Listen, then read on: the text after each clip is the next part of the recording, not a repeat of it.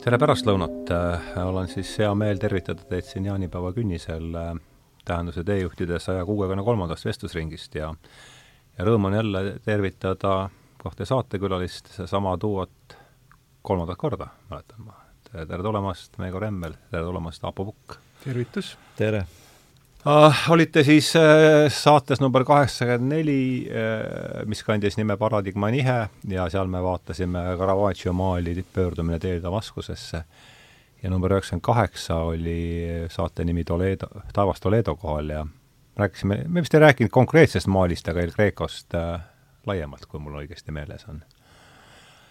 ja täna oleme siis palunud ja suur-suur tänu, et te jõudsite, et te võtsite vaevaks tulla ja leidsite selle aja, et väga-väga tänulik, et äh, tekkis tahtmine pöörduda Caravaggio juurde tagasi ja, ja, ja sedapuhku jällegi ühe kindla töö juurde, see on siis tuhande kuuesaja teisel aastal valminud äh, maal äh, Püha Tooma uskmatus.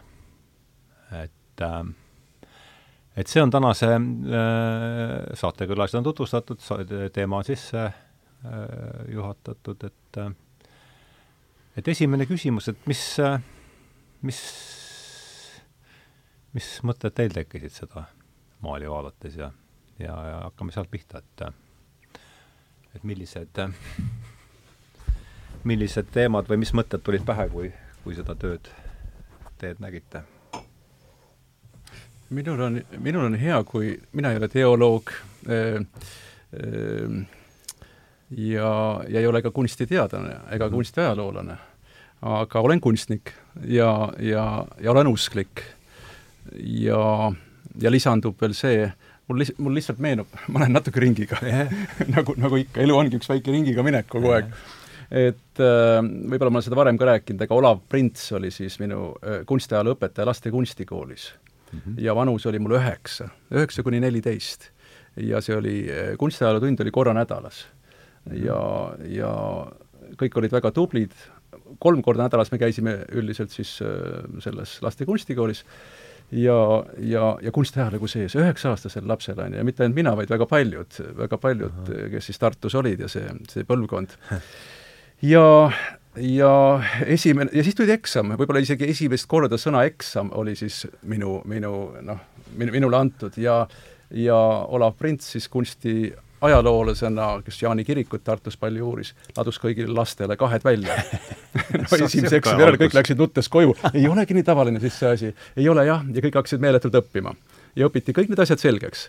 et Aha. ja õpeti, õpiti sellise, sellise noh, nimetame siis metoodikaga, et et maal jäetakse niimoodi meelde, et noh, bareti, punase baretiga mees vasakul ja siis keevitad sinna nime külge ja, ja, ja, ja keegi on kuskil kaugemal rumala näoga, siis, siis sellele jälle kunstniku nimi külge. ja eh, pikki aastaid ma uued teadmised või uus info, mis tuli, ma kinnitasin nendesse, nendesse vanadesse lahtritesse, mis lapsepõlves sai loodud mm. -hmm. ja, ja kui kunagi eh, saabus küsimus, et Apo, kas sa tahad usklikuks saada? ega seda ei küsinud Meego ega, ega keegi teine, vaid, vaid see tekkis mu enese sees, siis üks kindel põhjus oli see, et ma tahan kunstiajaloos selgemini vahet teha asjadel ja asjadel. ja, ja pärast seda, kui ma sain usklikuks, siis äh, asjad läksidki lihtsamaks ja ega see ei olnud ka nagu päevapealt, ühes, ühes mõttes on see päevapealt usklikuks saamine, aga, aga teisalt liigud sa tasapisi selles suunas ja oskad juba vahet teha, et ahah, see on nüüd päris väljamõeldis, see on mütoloogia, aga see on puhas piiblistseen mm. -hmm. Need on mu esimesed mõtted, et vaatan mitte just, et nagu vana tuttavat, aga, aga, aga ruumi, nüüd kui me seda Caravaggio, seda konkreetset maali vaatame mm, -hmm. siis ma vaatan seda äh, et mul on siin hea olla, nii nagu Jeesuse jüngrid ütlesid Jeesusele ükskord, et meil on siin hea olla, et jäämegi siia, eks ole. et mul on siin hea olla ja ma tahan seda uurida. et see on minu niisugune esimene lahtine sissejuhatus mm. -hmm. jaa, no mina ei ole kunagi kunstiajaloo eksamit sooritanud ei kahele ega viiele aga et mul on hea meel, et me oleme Caravaggios tegelikult korra juba rääkinud ja minu arvates, kui ma õigesti mäletan, me ikkagi rääkisime temast kui inimesest ja temast kui kunstnikust ja siis lõpuks ka selle Pauluse pöördumise loo seeni, eks ole, võtsime ette ja, ja sai siin Naapa abiga kogu seda valguse varju ja ja, ja hobune jumal nii-öelda see kõik läbi käidud, et Just. kindlasti kui keegi kuulab nüüd ja ta ei ole seda eelmist saadet äh, näinud, kuulnud, et siis kindlasti võiks seda kuulata, sest tõenäoliselt meil ei ole mõtet hakata isegi proovima korrata nagu kõike seda üle.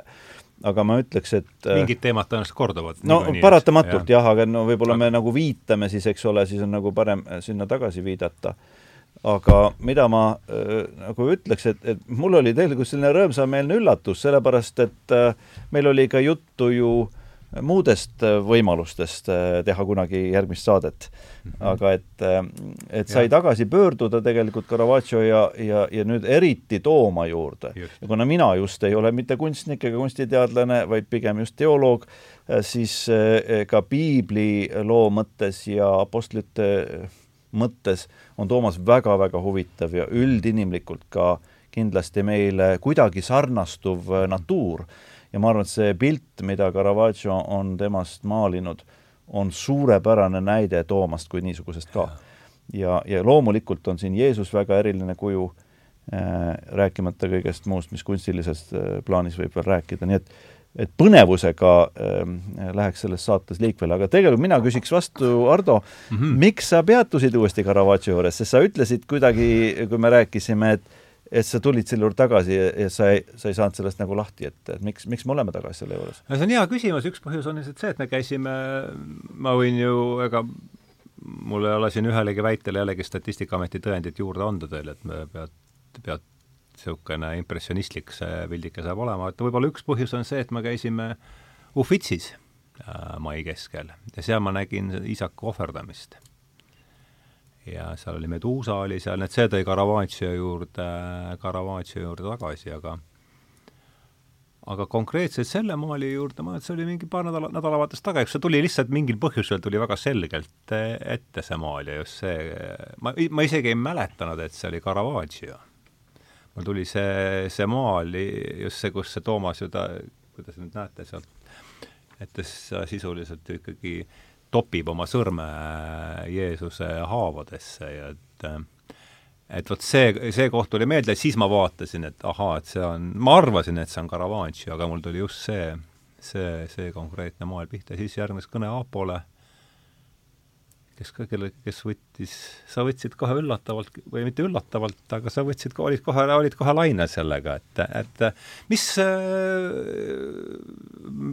aruandes seda, et sa ei ole teoloog, aga mis, aga piiblit oled lugenud ja ja mis sulle Toomasega, Toomase kui apostlga meenub, hakkame selle kandi pealt. hakkame, hakkame niimoodi pihta, aga ma tulen nagu selle visuaali kaudu mm -hmm, ikkagi, et esimene mõte on äh, ma ei ütle, et ma üleliia tihti olen seda maali vaadanud, aga esimene mõte on, et äh, kõige, kõigega ma, ma olen rahul. Aga ma ikkagi peegeldan seda oma, oma vaiksesse minasse, et, et, et kõik on mulle vastu võetud, aga miks äh, Toomas nii äh, vana on?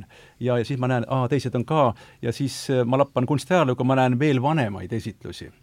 et et see selleks, et ega siis me sellepärast vähem Jeesust ei usu, kui, kui Toomas oleks noorem või, või ülivana seal.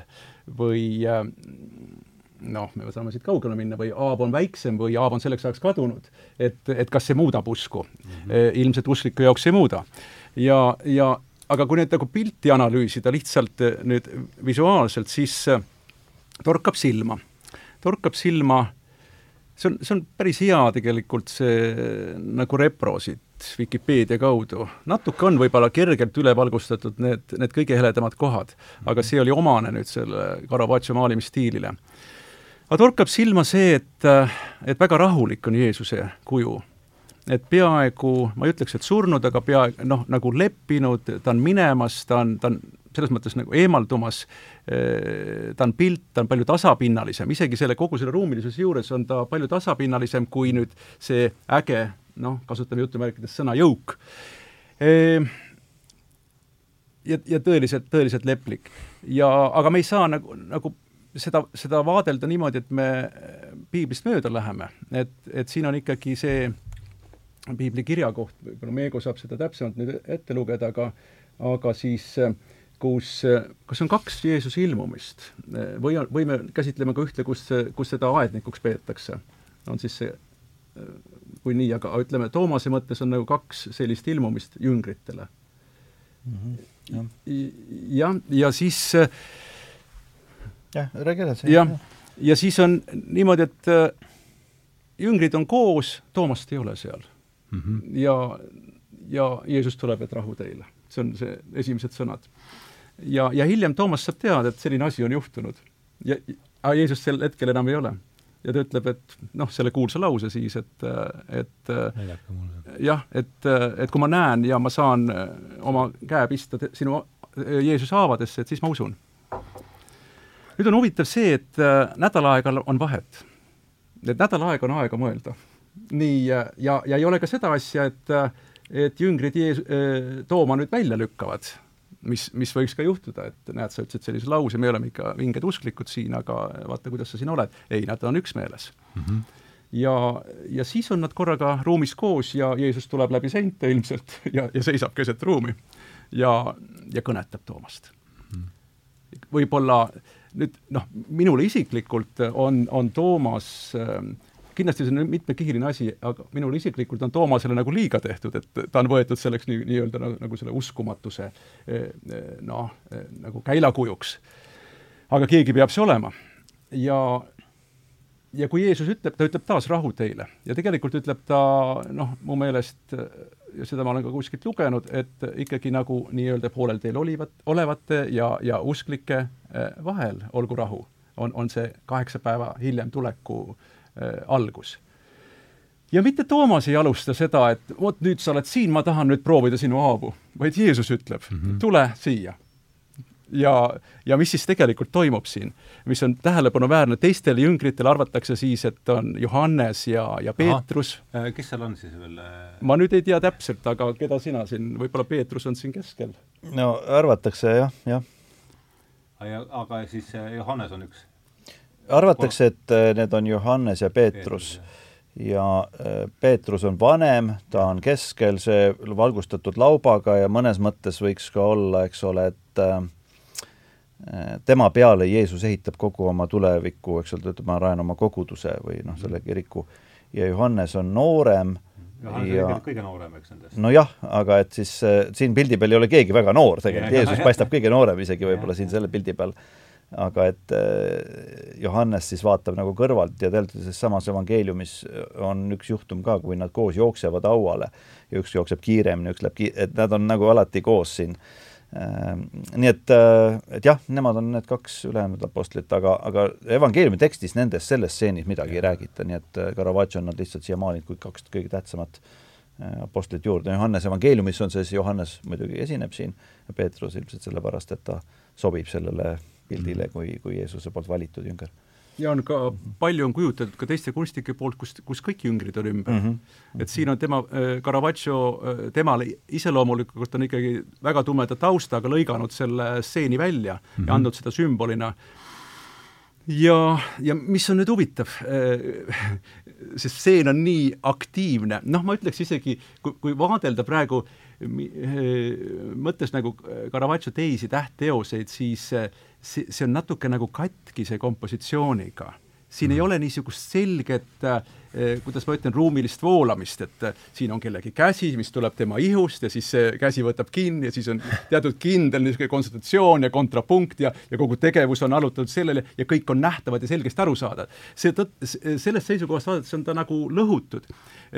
kahel teisel jüngril me ei näe käsi meelega ära kaotatud, nii et Caravaggio oli no ikka hirmus tark ja hirmus äh, läbi mõtelnud selle asja, aga noh, kolmekümne üheksa aastaseks elanud ja teinud selle maali äh, võib-olla viis aastat enne surma. et äh, mina olen juba vanem temast. et, et mõnedele kunstnikele antakse rohkem aega oma asju ära toimetada. ja nad teisi käsi ei ole näha ja kui seda hakata nüüd lähemalt uurima, tahaks muidugi originaali ette seista, see on kummaline see, ma isegi julgeks praegu väita, et tegelikult äh, Jeesus võtab selle äh, Toomase käe ja surub selle siia haava sisse. ta, ma olen näinud ühte väikest filmilõiku, mis on sellest kohast tehtud, tegelikult on nii, et kui Jeesus ta kõnetab üle toa äh, Toomast, siis Toomas hakkab nutma mm. et noh, ma ei ole tahtnud seda. see, see oli ainult minu üks mõte neid mõtteid oli kindlasti selle kaheksa päeva jooksul veel ja veel. Ja, ja nüüd Jeesus teeb selle, selle ikkagi teoks, tule, haarab tema käe ja vajutab siia, et teeme selle läbi, nii nagu peab tegema. ja, ja, ja no kui originaali vaadata, ma ei tea, mis siis sünnib, aga kui ma praegu siia vaatan, siis Johannes tegel-, või Toomas tegelikult vaatab isegi mööda. Ta vaatab sellest hauast või, või sellest, ma ütlen hauast, tegelikult sellest äh, haavast mööda. Et äh, see on umbes nagu niimoodi, et see on tema parem käsi äh,, äh, paneb sinna ja, ja, ja, ja siin on Jeesus ja, ja ta vaatab sellest mööda. ma ei, mõelnud seda nii literatuurselt, et me hakkame seda nüüd kohe läbi viima e,. ma saan aru, ma saan aru, ma saan juba ammu sellest aru saanud, et, et ta, ta on vaimus, ta vaatab vaatab läbi sellest, ta on, ta on oma mõtete maailmas. sama on Kristusega. Nad ei ole siin konkreetse pisikese niisuguse fakti või äh, akti küljes kinni. Ja teised väga kummalised, nad mõtisklevad, nad ei ole nii väga täpselt nüüd, mis sealt siis nüüd selle haava seest tuleb või kuidas see asi nüüd siis on. Äh, Need asjad torkavad silma, no noh, loomulikult see on ka huvitav asi, see on niisugune neljaline selline no kompositsioon nende peade vahel mis on tegelikult täiesti tõmmatud nagu võrdsesse ruumi, nagu bareljeef oleks, ta oleks nagu maaritud bareljeef. Need nagu, nagu sügavust ei ole, need tuuakse võrdselt mm -hmm. meieni, siis see, see nii-öelda peakangelane, antud äh, maali peakangelane oleme siis nii-öelda meie, sest see on kõige lähem vaatajale mm. -hmm ja tema suurus, ütleme umbes siis poolteist meetrit korda meeter, see tähendab seda, et äh, no meie käelabast umbes noh, kui öeldakse klassikalises maalis, on siis randmest kuni noh, nimetissõrme otsani on, on, võiks olla näolapi suurus kuni mhm. juuksepiirini. võib-olla selline, sellised need pead ongi siin mm. -hmm. et klassikaliste mängureeglite kohaselt loodud ja, ja jah, nelik pea ja siis sellise kaare sees on see kõik. Esimese hooga praegu, aga jah, just, et see lõhutud, et või loomulikult ütleme, inimene, kes ei ole piiblit lugenud, mitte midagi ei tea, astub korraks lihtsalt selle näituse saali, kelle käsi see siis on mm? -hmm. kelle käsi see siis on? no et äh, jah, ahah, ja mis nemad, kuidas, ja, ja nad tulevad ettepoole ja, ja, ja ja Peetrus tuleb nagu ettepoole Jeesuse näost. et kummaline ruumilisusega mängimine, aga ma äh, ma millegipärast arvan, et, et jah, ta oli tark usklikuna maalija, loomulikult see maailm, kus Caravaggio elas, millised näidised olid juba olemas tema ümber ja, ja eelpool teda, need loovad selle, selle pinnase. aga samas see, kõik see soosi, soosimine, kes ütleme, tema tööde tellijad, annavad talle vabaduse, et see võimendub ja siin hakkab see alateadvus nüüd tööle, mis toob need esile. et, et need lõpuks need väljakaalumised ei, ei toimu nii, ma arvan, nii väga mõistusega, vaid vaid alateadvusega. või siis on see puhas inspiratiivne asi, mida superprofessionaal tegelikult kontrollib veel mõistusega üle ka. noh, niimoodi ma mõtiskleksin mm. -hmm no see kõik on väga kõnekas ja, ja, ja ma arvan, et Aap oskabki seda kõike niimoodi kunstilises äh, võtmes meile ette maalida, kui mina nüüd vaatan ja võrdlen neid ka teiste sellel samal teemal maalitud äh, maalidega, näiteks kas või enne Caravaggiot, aga miks mitte ka pärast, siis vaieldamatult see on see, mis jääb meelde. et Caravaggio on ikkagi äh, nagu erakordne kunstnik ja selle valguse varju äh, mänguga ta tegelikult loob nagu sellise kujutluse, et ma olen ise päriselt seal ruumis et mina olen üks nendest teistest, kes selles ruumis sellest viib. me rääkisime palju eelmisel korral ka, see oli üks põhiteema. ja, ja noh, teine asi, mida ma tooks esile, selle teksti juurde tõesti võib veel minna, aga et kui mina siin praegu vaatan, et et kui on nii, et see, mis on valguses, on jumalik mm, -hmm. siis loomulikult Jeesus on kõige valgustatum kuju, eks ole mm, -hmm. ja et kuidagi see valgus langeb nüüd tänu Jeesusele, langeb tegelikult või noh, see, kust see valgus tuleb Jeesuse peale, langeb veel paari-kolme kohta Peetrus mm -hmm. on juba kohtunud Jeesusega ja tema on valgustatud eks ole, tema pea on juba nagu, tema, tema jaoks on selge see ja, ja kõik, mida Peetrus on tegelikult kahelnud omal ajal ju. Peetrus ütles ka Jeesus, ärgu seda ju üldse juhtugu, et sina lähed ristile. et neil oli väga tõsine nagu konfliktsituatsioon kunagi, kui Jeesus hakkas rääkima sellest surnu, suremisest ja ülestõusmisest, eks ju. Peetrus selleks hetkeks kõik oma reetmised ja kõik selle on ületanud juba nagu me näeme eh, ka Johannese peas nagu seda valgusvihku, aga, aga nüüd Toomas on see, kes sellel hetkel saab valgustatuse, eks ole, ja see tema Johannese puhul siis siin jah, just, just, just, jaa, aga et, et Toomasel on nagu see praegu just juhtumas, et Jeesus oma valgema käe, valgustatuma käega võtab tõepoolest Toomasest kinni ja juhib selle siis sinna haava. aga mis veel tuleb esile, on tegelikult, Toomasel on ka haav. ja see tema haav on tegelikult tema õla peal. just praegu räägin, enne kui sa rääkima hakkasid. Ja, ja see rebeneb sellel hetkel tõenäoliselt või noh, et, et see vähemalt annab ennast märku ja valgus langeb sinna peale, et meil igalühel on oma probleem, just nimelt ja, ja meil igalühel tuleb oma haavadega tegeleda. ja, ja ma arvan, et Toomase haavatavus nagu saab selles tekstis nagu väga selgeks ka. ehkki ta teeb kõige võimsama avalduse pärast seda, kui ta selles stseenis on olnud, eks ole, minu issand ja minu jumal, sellest saame ka veel rääkida, loodan aga et mulle tundub, et Caravaggio on tabanud nagu teades, milline ta enda elulugu ka oli, eks ole, milliseid heitlusi tema sageli läbi käis, et ta igale poole maalib ka iseennast nagu mõnes mõttes. ja ma arvan, et ta siin sellel hetkel samastab ennast ka paljuski Toomasega, mis teeb Toomase meile hästi usutavaks ka meile tänapäeval, ma arvan. Rääkige palun see Toomase haavade lugu, ma selles ei ole no ma mõtlen seda õla peal kas olevat, eks ole. on see, on see pühakirjas ka või? ei ole, ei, ei ole, jaa. aga noh, Toomase haav on uskmatus, ütleme siis niimoodi, eks ole, või noh, selline ja, ratsionaalne püüd nagu tõestada kõike ja kas usus saab kõike tõestada. ma juhiks veel ühele asjale tähelepanu, mida me ei ole kuulnud ega näinud nagu üht ühtegi nüüd kriitikut ütlemas, aga kui mina vaatan seda võhiku pilguga seda maali, siis ma ei ole kindel, kas Toomas on pime. Või on ta hmm. teadlase, täpselt nagu sa ütlesid, sellises katarsise seisundis. ja nüüd mina julgeksin nagu pakkuda ka seda tõlgesvarianti, et Caravaggio on maalinud Toomase pimedaks mm. -hmm. sest mida Jeesus ütleb talle, on see, mhm. kas sa usud sellepärast, et sa nägid õndsad on need, kes ei näe, aga usuvad. ja siiski usuvad. ja, ja minnes noh, natukene edasi mööda kiriku ajalugu sealtsamast, kui hakkavad tagakiusud, kus ei ole enam võimalik Jeesust füüsiliselt, nagu inimesed tulebki surma minna.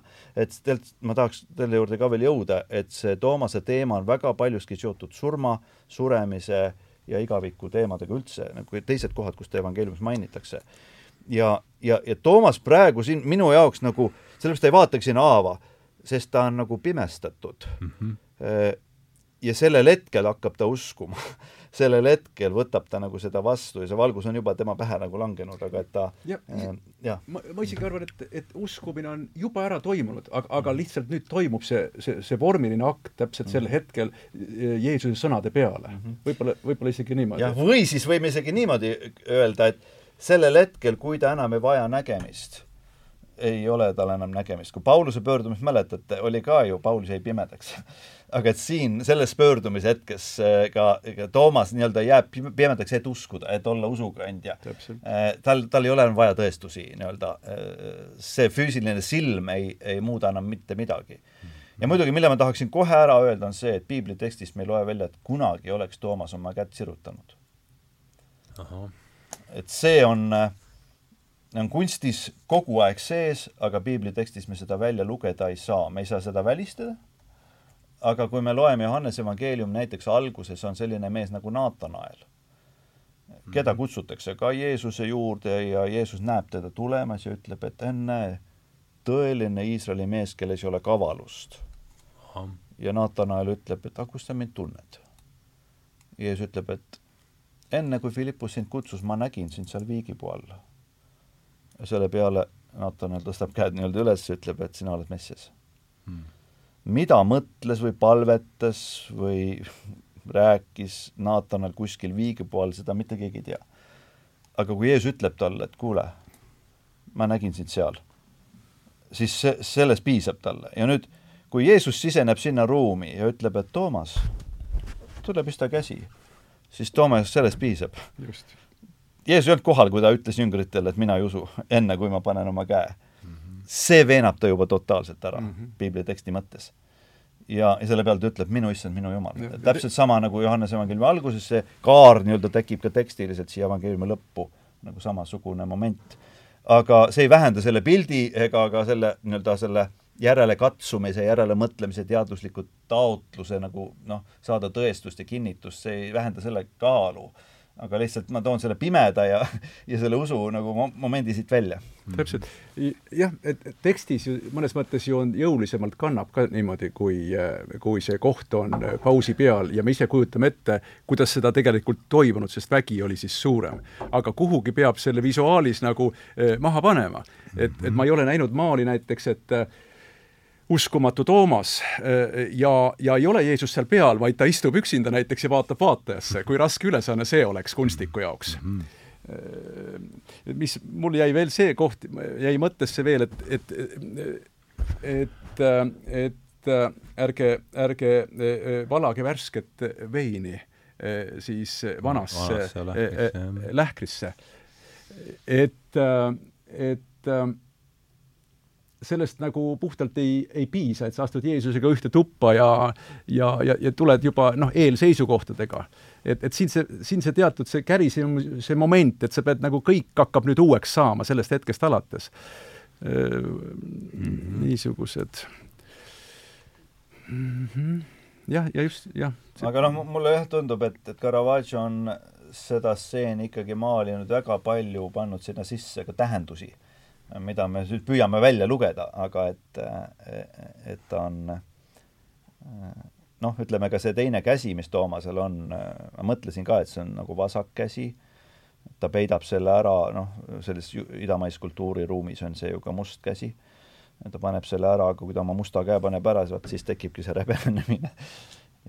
ja, ja jah, muidugi see Jeesuse poolt võetud äh, nagu käest kinni ja ja teise käega Jeesus tegelikult ju, see on noh, ma ei taha öelda, võib-olla kõlab nagu kummaliselt, aga see on peaaegu nagu erootiline stseen, et ta mm, -hmm. ta avab oma ihi, ihu nagu Toomale vaadata ja katsuda ja pista mm -hmm. äh, sinna sisse oma näppu. et äh, et Jeesus tegelikult ise paljastab ennast sellel, sellel hetkel teise käega, on ju. et ja siis võtab teise käe ja viib ta ja see näpp on väga sügavale pandud mm. -hmm. tegelikult teistes maalides on ka ikkagi seda näppu nagu päris sinna sisse pandud, aga et et äh, siin piibli tõlkijad ja tõlgendajad ka küsivad, et mida piibli tekst täpselt nagu ka ütleb kreeka keeles.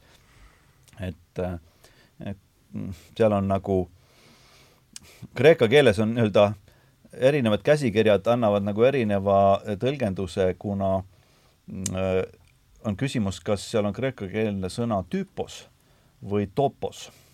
tüüpos või topos. Äh, et, et, et kui ma ei pane sinna nii-öelda haava sisse või haavale või, või sellele noh, selle naela jälgedele, vaata et noh, et siis küsimus on, et nagu kas see on, kas see on haavand jäljendi mõttes või see on see haava koht, kuhu ma pean oma näppu mm -hmm. pistma. tüüpos on siis nagu tüüp või, või märk või sümbol, mhm. on ju. topos on koht -hmm. ehk haav ise ja mida nüüd nagu algselt Johannes kirjutas, me täpselt ei teagi, sest erikäsikirjad, vanad käsi, seal noh, see on ühe tähe viga tegelikult nagu, et keegi on kirjutanud ühtemoodi, keegi teistmoodi. aga et äh, maalijad muidugi on läinud alati nagu ikka selle peale, et ta pistab selle näpu sinna sisse. siis tüüpos? jah, ei, toopos just ah, nimelt, jah, just nimelt sinna, sellesse meenub, kohta sisse ah,. meenub, et äh, lugesin kuskilt Toomase äh, sümboliks on oda mm. -hmm ja, ja see Märtri surma suri Oda. aa, nii, see on sellest. mina, mina viisin tagasi ja. sinna, et äh, Aava kaudu, tähendab jaa, aga ma arvan, et noh, need asjad mängivadki nagu jälle semiootiliselt, kindlasti ega need äh, sümbolid ei teki ka lihtsalt äh, nagu ühe ja asja kaudu. piiblis ei ole ka muidugi kummale poole on, on see oda torgatud mm. -hmm enam, enamjaolt on, on, on ta aga nii kujutatud, et see on Jeesuse parema, paremasse külge mm. -hmm aga mida me üldse Toomast äh, siis teame ka? et äh, pea, palju ta üldse, palju tast piiblis juttu on? Äh,? väga vähe, aga noh, on apostlid, kellest ei ole niigi palju, et, et selles mõttes ta on ikkagi nagu ära markeeritud või noh, esile toodud kuju ja olulistel kohtadel.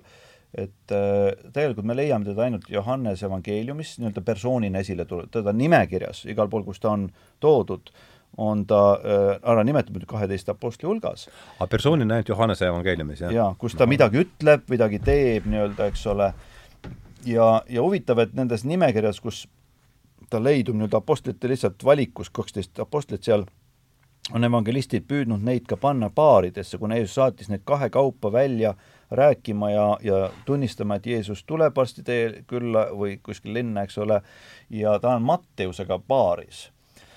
Toomas, jah? jaa, et, et see on, see on nagu huvitav, et Matteus oli tegelikult juudi ju maksukoguja, kes oli läinud Rooma impeeriumiga kompromissidele. Äh,, tõenäoliselt oli ta äh, väga haritud ja võimekas, äh, nagu majanduslikult ka võimekas, ja Toomas tundub ka ikkagi olevat mõtleja tüüp tegelikult, et nad on Mattiusega kuidagi nagu sellises ühes pundis. ma, ma näen ka seda, ta natuke nagu etteruttaja, mingi mm. noh, kas või seesama Laatsaruse ellu äh, äratamise mm -hmm. lugu äh,, kuidas see täpsemalt on, aga siis nii palju, kui ma mäletan, et et Jeesus ootab, kuni Laatsarus tõeliselt surnud on.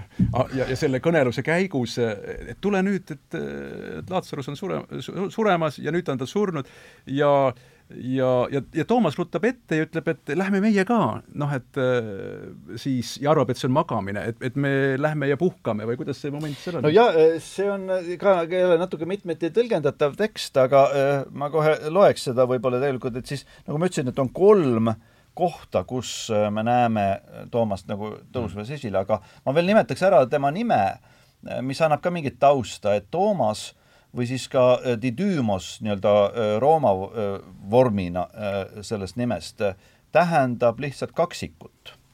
ja noh, sellele on siis antud nagu seda, noh, et ta oli kahtleja või selline kaksipidise mõtlemisega inimene või, või noh, selline nagu noh, nagu öeldakse, nagu selline lõhestunud isiksus aga me ei näe tegelikult minu arvates evangeeliumi tekstis, et ta oleks lõhestunud isiksus. See, et ta kahtleb antud juhtumil, on väga inimlik ja mõistetav. aga et, et kuna ta nimi on kaksik ja, ja juudid ikkagi panid lapsest peale tähendusega nimesid, siis ma arvan, et me võime julgelt öelda, et tal oli tõenäoliselt kas kaksikõde või vend. Äh, lihtsalt me ei tea sellest midagi, et äh, ja noh, mina ise eeldan, et kuna ta on kaksiku nimega, et siis ta võis olla teisena sündinud kaksik, äh, et, et mm, -hmm. et talle antakse nagu, tema tuli teisena, ta on see mm -hmm. kaksik, et esimene sai mingisuguse noh, nii-öelda esmanime, eks ole. aga et kui tuleks nüüd korraks selle, äh, nende piiblitekstide juurde, et siis äh, see esimene juhtum, mida sa nimetasid ka, Aapo, on siis Johannese evangeeliumi üheteistkümnes peatükis, kus tõepoolest Jeesus kutsutakse Laatsuruse juurde, kuna ta on suremas, üksteist peatükk, ja Jeesus ei lähe sinna ja tegelikult on ta ära läinud sealt paikkonnast sellepärast, et juudid otsivad võimalust teda arreteerida, isegi tappa. ja seda on eelnevas lõigus nagu tegelikult räägitud. ja nad lähevad, eralduvad äh, kuskil, kus on turvaline olla ja me võime eeldada, et noh, Jeesus viidab meelega aega, et mitte sattuda sinna nagu nendesse olukordades, kus teda võidakse tõepoolest kinni võtta, on ju. Aga siis saab ta sõnumi, et, et Laats on surnud ja, ja siis äh, Jeesus ütleb, et tegelikult mul on hea meel, et me ei läinud, et nüüd te saate tõeliselt uskuda mm. -hmm. ja siis noh, ta ütleb, et tuleks minna ja teised jüngrid ei ütle sõnagi, noh see evangeelium, nad on nagu tummad, et, et kas sa tahad minna tõesti surma nagu vaata. ja siis ütleb äh, äh, Toomas, siis ütles Toomas, keda nimetatakse kaksikuks, ehk siis mhm. see Tüdümos, kaasjüngritel, tähendab teistele, ta ei ütle Jeesule, vaid ütleb teistele lähme meiegi, et temaga koos surra. ja siin on üks võimalus tõlgendada, mida mõned on arvanud, et, et ta viitab Laatsaruse, kes sureb, et meil tuleb ka surra. aga enamus piibli uurijad ja ma arvan isiklikult samamoodi, ta ütleb, et tegelikult kui Jeesusel tõesti tuleb surra, siis me võiksime ka olla valmis selleks või et siit tuleb minu jaoks nagu tuleb väga usu kõva mees esile mm, -hmm. kes on valmis minema juba Jeesusega -hmm. surma, kui see peaks juhtuma. sest kui me läheme sinna tagasi, kus Jeesus taheti kinni võtta, siis tegelikult meil tuleb ka surra. Lazarus suri, Jeesus sureb, olen valmis meiega surema. et see on peaaegu usukangelane mm -hmm. tegelikult, mis siit tuleb. siis teine koht, kus ta on, tuleb esile, on Jeesuse viimasel eluõhtul, Johannese neliteist peatükk, kus Jeesus hakkab juba rääkima nagu sellest, et tal tulebki minna ära ja ta ütleb ka äh, seda välja, et äh, kuhu mina lähen, seda teed te teate, ta on korduvalt rääkinud, et tal mm -hmm. tuleb surra, kannatada, eks ole, ristil ja isegi ülestõusmist on ta juba rääkinud. ja siis Toomas ütleb talle neliteist viis, issand, me ei tea, kuhu sa lähed. kuidas me siis võime teada teed? ja Jeesus ütles talle, mina olen tee ja tõde ja elu. Ükski saa minna isa juurde muidu kui minu kaudu. et kui Toomas on kuulnud seda, et Jeesul tuleb surra, Jeesus räägib sellest viimases pühaduse ööma ajal kõik nagu ja jüngrid ei mõista seda lõpuni, siis mida Toomas võib sellega nagu mõelda, et me ei tea teed ja ma kujutan ette, et surmaga seoses tekivad väga suured küsimused meil ka, kuhu me astume teele? mis on tulemas? Ja ta vajab kinnitust, nagu siin ka, et, et kui tuleb surra, ta oli eelmine peatükk, lugesime, eks ole, ta on valmis põhimõtteliselt surema, aga ta ütleb, et et mida see tähendab tegelikult meile, et kuidas me saame olla kindlad, et surma järel, mis tuleb surma järel, kes ja Jeesus teeb selle väga kuulsa statement'i siis selle peale, et mina olen tee. minu järel võite te jõuda alati Jumalani välja.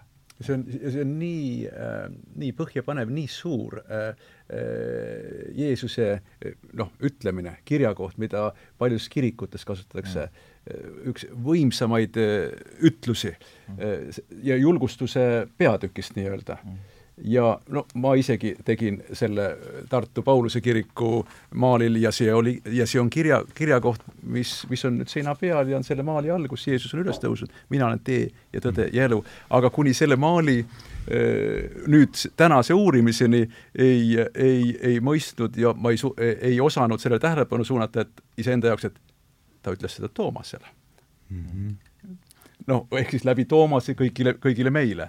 et niivõrd, selles mõttes niivõrd väärika koha peal on Toomas, kes, kelle läbi tuleb see noh, lause esile. ja noh, ta julgeb, Toomas julgeb seal küsida nagu ka eelmises tekstis, üksteist Johannese, ta julgeb olla see, kes läheb surma kas või Jeesuse nimel. teised on vait.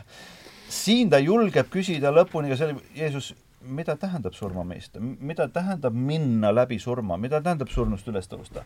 ja siis ütleb, järgi mind, mina olen tee. ja, ja nüüd selles noh, mis on maalil, eks ole, see stseen, tema julgeb tegelikult ka jüngritele öelda välja, et, et, ma vajan veenvamaid tõendeid. et ta on tegelikult selline mitte niivõrd kahtleja, kuivõrd nagu mõtleja. ja muidugi elu lõpust me teame seda, et ta liigub edasi Indiasse, on üsna veenev traditsioon siiski, et ta on jõudnud Indiasse, mõned arvavad isegi aastat teadvat, et see aastal kuskil viiskümmend kaks. Äh, Jeesus elas siis kuskil kolmkümmend, kolmkümmend viis, eks ole, suri. et, et kuskil aastal viiskümmend kaks on ta juba Indias ja on veel muidugi viiteid, et ta võis jõuda ka Hiina välja, aga noh, tegelikult Indias ta tõenäoliselt suri siiski märtrina.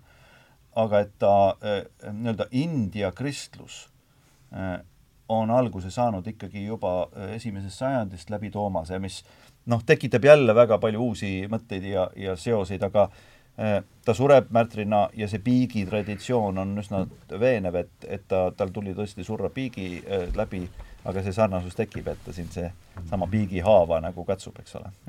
seoses Indiaga no ma läksin muidugi, ostsin kohe Tooma evangeeliumi ja eh, esimese hooga väga raskesti loetav tekst, ma hüppan praegu korra nagu eh, ma tahtsin just minna Tooma, Tooma evangeeliumi juurde. ja, ja siis on natukene nagu lihtsustatum seletus on Jüri Henno poolt, kes on globaalprohvetluse autor ja unenäo uurija. nüüd Tooma evangeeliumis ongi selline koht sees, millega me ei oskaks nagu tavalisel, tavalise kanoonilise piibli lugeja ei oskagi midagi peale hakata, kui eh, on üks koht siis, kus milline see taevavägi on või, või kuidas te saate taevasse ja Jeesus ütleb, ma praegu nüüd läbi minu sõnade, kui teil saab olema palju käsi, palju silmi, palju jalgu, tähendab, ja ma hakkan kujutama seda India neid, neid pilte tulevad mulle silme ette. ja noh, ja neid kohti on veel, kus noh, peaks nagu selgitused ja selgitused, selgitused peaks juures olema. ja, ja aga noh, ma, ma võib-olla siin side comment'ina nii-öelda ütleksin, et, et mul on sügavaid kahtlusi, mitte et minul, vaid, vaid nagu enamusel piibliuurijatel, et Tooma evangeelium oleks Toomaga seostatav. et tegemist on tõenäoliselt teisel sajandil loodud gnostilise tekstiga Aha, ja gnostitsism oli ikkagi nagu pigem selline idamaise ütleme noh, tunnetus, filosoofia, religioosne vorm ja et Toomas, nii nagu me piiblist teda õpime tundma, on pigem ratsionaalne, pigem nii-öelda just nimelt empiirilisele toetuv, on ju, ja, ja Toome evangeelium on ülimalt gnostiline, peaaegu et aru, arusaamatu tekst, on ju, et sa pead seda ära tunnetama kuidagi ja ja peatud, noh, see on nagu natukene haiku moodi, vaata, et noh, sa tunnetad ja peatud selle juures ja saad mingi tõdemus või elamuse selle kaudu. Ja, ja noh, veel kord, et, et Toomas sureb siiski esimesel sajandil, aastal seitsekümmend kaks, tõenäoliselt on ta juba surnud. et to-, Toome evangeelium lihtsalt sada aastat hilisem tekst. Samamoodi on Tooma äh, lapsepõlvelugudega Jeesusest ja, ja, ja kõikide muude Tooma ütlustega nagu ka, mis on tekstid, et need on, need on hilisemad produktsioonid, neid liikus nagu muudegi apostlite nimedega seoses, et et lihtsalt gnostitsism pakkus äh, nii-öelda äh, sellist sängi, kus võis oma, oma võib-olla tekste avaldada ja püüda neid marketingi mõttes nii-öelda turundada, et mm, -hmm. et kui neid seostada mõne apostl'iga mm. -hmm. aga seal on loomulikult ka Jeesuse tavalisi ütlusi, tavalisi ütlusi., äh, mis on meil evangeeliumis ka. et ta on collection nii-öelda, ta on, ta on selline nii et ühesõnaga pärimus seda siis äh, apostlit Tooma evangeeliumiga ei, ei, ei, ei seosta? Ei saa olla kuidagi seotud, mid-, mis ei välista seda, et oli suuline traditsioon, mida Toomas pidas meeles Jeesuse ütlustest ja tema mingid õpilased või jüngrid, eks ole, võisid seda pärandada edasi, aga et see oleks kuidagi Tooma kirjutatud või Tooma autolusega, seda tõenäoliselt ei, ei saa öelda. aga tekst ise, mul oli, algul oli niimoodi, kui ma nina pis, sisse pistsin nüüd ütleme sellisesse, mis on äh, Uku Masingu äh, tõlge ja ongi raskesti loeta, täiesti võõraid eestikeelseid sõnu äh, korduvalt palju kasutatud ja nii edasi siis loen läbi selle, peaaegu läbi selle noh, nagu tõlgenduse või, või lihtsustatud teksti ja ühel hetkel lähen, lähen siia tagasi mm -hmm. nii-öelda selle meile ainukese eestikeelse võimaliku originaali läheduse juurde. siis otsin ühe väga korduva sõna, nagu oli see leeme, leemimine või sellise, sellist sõna ja, ja, ja vaata, kuidas selle, see on nagu tulevikus olemine. ja kui ma selle saan, selle sõna, sellele sõnale saan saan nii-öelda nagu konksu taha, omandan selle ja hakkan korraga seda teksti lugema ja võib-olla mind tuleb õigel ajal peatada mm, -hmm. aga ma eh, noh, ei ole saanud tükil ajal noh, rikkamat kogemust. Eh, ma loen samu eh, tuttavaid kirjakohti ja tähendamissõnu, aga, aga see keel on tõepoolest selline, et andke andeks, ma praegu lõdvestun kohe selle peale, et ma püüdsin täna Helgele, oma abikaasale seda rääkida. ja, ja, ja see on midagi niisugust, et noh, nagu sa ütlesid, haiku vormis, et ma ei tunne jaapani keelt, ma ei tunne hiina keelt, aga, aga need vähesed kontaktid, mis on olnud inimestega, et, et see keel on ka nagu palju, palju sümboolsem noh, niisugune äh, mitte et ta sunnib sind mõtlema, vaid sa juba mõt-, sa liigud mõttetasandil. et kui me tänapäeva keel on, see paneb mind nagu mõtlema sellele, et me tänapäeva keel, meie nii, on kõigile arusaadavalt ühesuguselt mõistetavaks tehtud, nagu noh, nagu puu tehakse saepuruks läbi mitme etapi. ja, ja siis, kui me tahame nüüd hakata uuesti sellest mingisuguseid originaalväärtusi kokku panema, siis me selle saepuru kleebime uuesti kujund, noh, nagu kujudeks kokku mm.. selline tunne on tänases päevas mm.. et ja, ja minnes tagasi, noh, nii noh, koptikeelse lähedusse ja sellisesse sellisesse mõtteviisi, siis see liigub kõrgemal kirjaridadest. see, see liigub tõepoolest tunnetustasandil ja, ja, ja, ja ma mõnes mõttes noh, imestan, et minul täna see kaks tuhat kakskümmend kaks, et, et mul on see olemas. et noh, paljudel on olemas, et, et see on võimalik üles äratada. ja ja paneb teisipidi mõtlema jällegi, et, et tollased inimesed on kas, kas või Caravaggio aegsed inimesed, et et me mõtleme minevikust vahest rumala peaga, mõtleme sellest kui noh, möödaläinust, teistmoodisusest, meile mõistmatust ja võib-olla mitte nii, andke andeks, nii täiuslikust, kui meie, millises maailmas meie täna oleme. aga võimalik, et see, kas oli täiuslik või on sama täiuslik olnud meie eelnevate inimeste maailm. ja see, see annab nagu kõvasti loksutust tänasesse päeva mm. -hmm. jah, ja noh, muidugi me loeme kõik ju noh, see on selle hermeneutika ju põhitõde, et me loeme kõik tegelikult teksti ikkagi iseenda elukogemust mm. -hmm. me ei loe kunagi autorit, vaid me loeme ise neid tekste nii-öelda ette või, või kordame eh, noh, eh, mõnes mõttes uuesti loome neid tekste, mida me loeme, sest me toome oma tõlgenduse nendesse tekstidesse ja, ja vaieldamatult üks vana tekst annab väga palju interpreteerimise ruumi, sellepärast et ajalooline kontekst on kadunud, aga kindlasti on selles idamaade, noh, me oleme sellises nagu Põhjala kultuuris, kui Uku Maasikut veel võtta, et me oleme selline boreaalne äh, rahvas, eks ole, siin, aga et et idamaade poole peale minnes on alati maailm äh, sellisem noh, terviklikum, kõiksem ja nad ei ole ka modernismist kui niisugusest väga mõjutatud olnud. Et selline ratsionalismi domineerimine ei ole tegelikult idamaades ikkagi väga pinnast leidnud, on ju ja, ja ma arvan, et me näeme Toomases ka nagu noh, ma olen lugenud ja kuulnud ka nagu Toomase kohta väga palju nagu seda, et noh, ta on nagu modernismi kehastus, et tahan, tõestage mulle ära kõik ja niimoodi, aga kui me läheme sinna esimesse sajandisse tagasi, siis loomulikult ei ole modernismis nagu midagi pistmist. tema tahtis lihtsalt olla veendunud, et eh, jutt on tõsine ja nii nagu kaks Emmuse jüngrit, eks ole, kes lähevad Jeruusalemmast ära Jeesus ilmub neile ja püüab neid uuesti veenda, et pühakirjad on täide läinud ja tõepoolest äh, üldse Messias pidigi üldse surnust üles tõusma. et Toomas on üks nendest äh, paljudest, äh, ma arvan, ja ja, ja mis mulle isiklikult jälle ka tänase siia tulles mõe-, mõeldes kuidagi tuli mõttesse, et et Jeesus on väga hooliv nende inimeste suhtes, kes temas kahtlevad. sa nimetasid juba ka enne Maarjat kes seisab tühja haua juures ja nutab. ja Maarja tuleb ja küsib, või tähendab, Jeesus tuleb ja küsib, ta ei peaks talle ilmuma personaalselt. ta küsib, Maarja, miks sa nutad?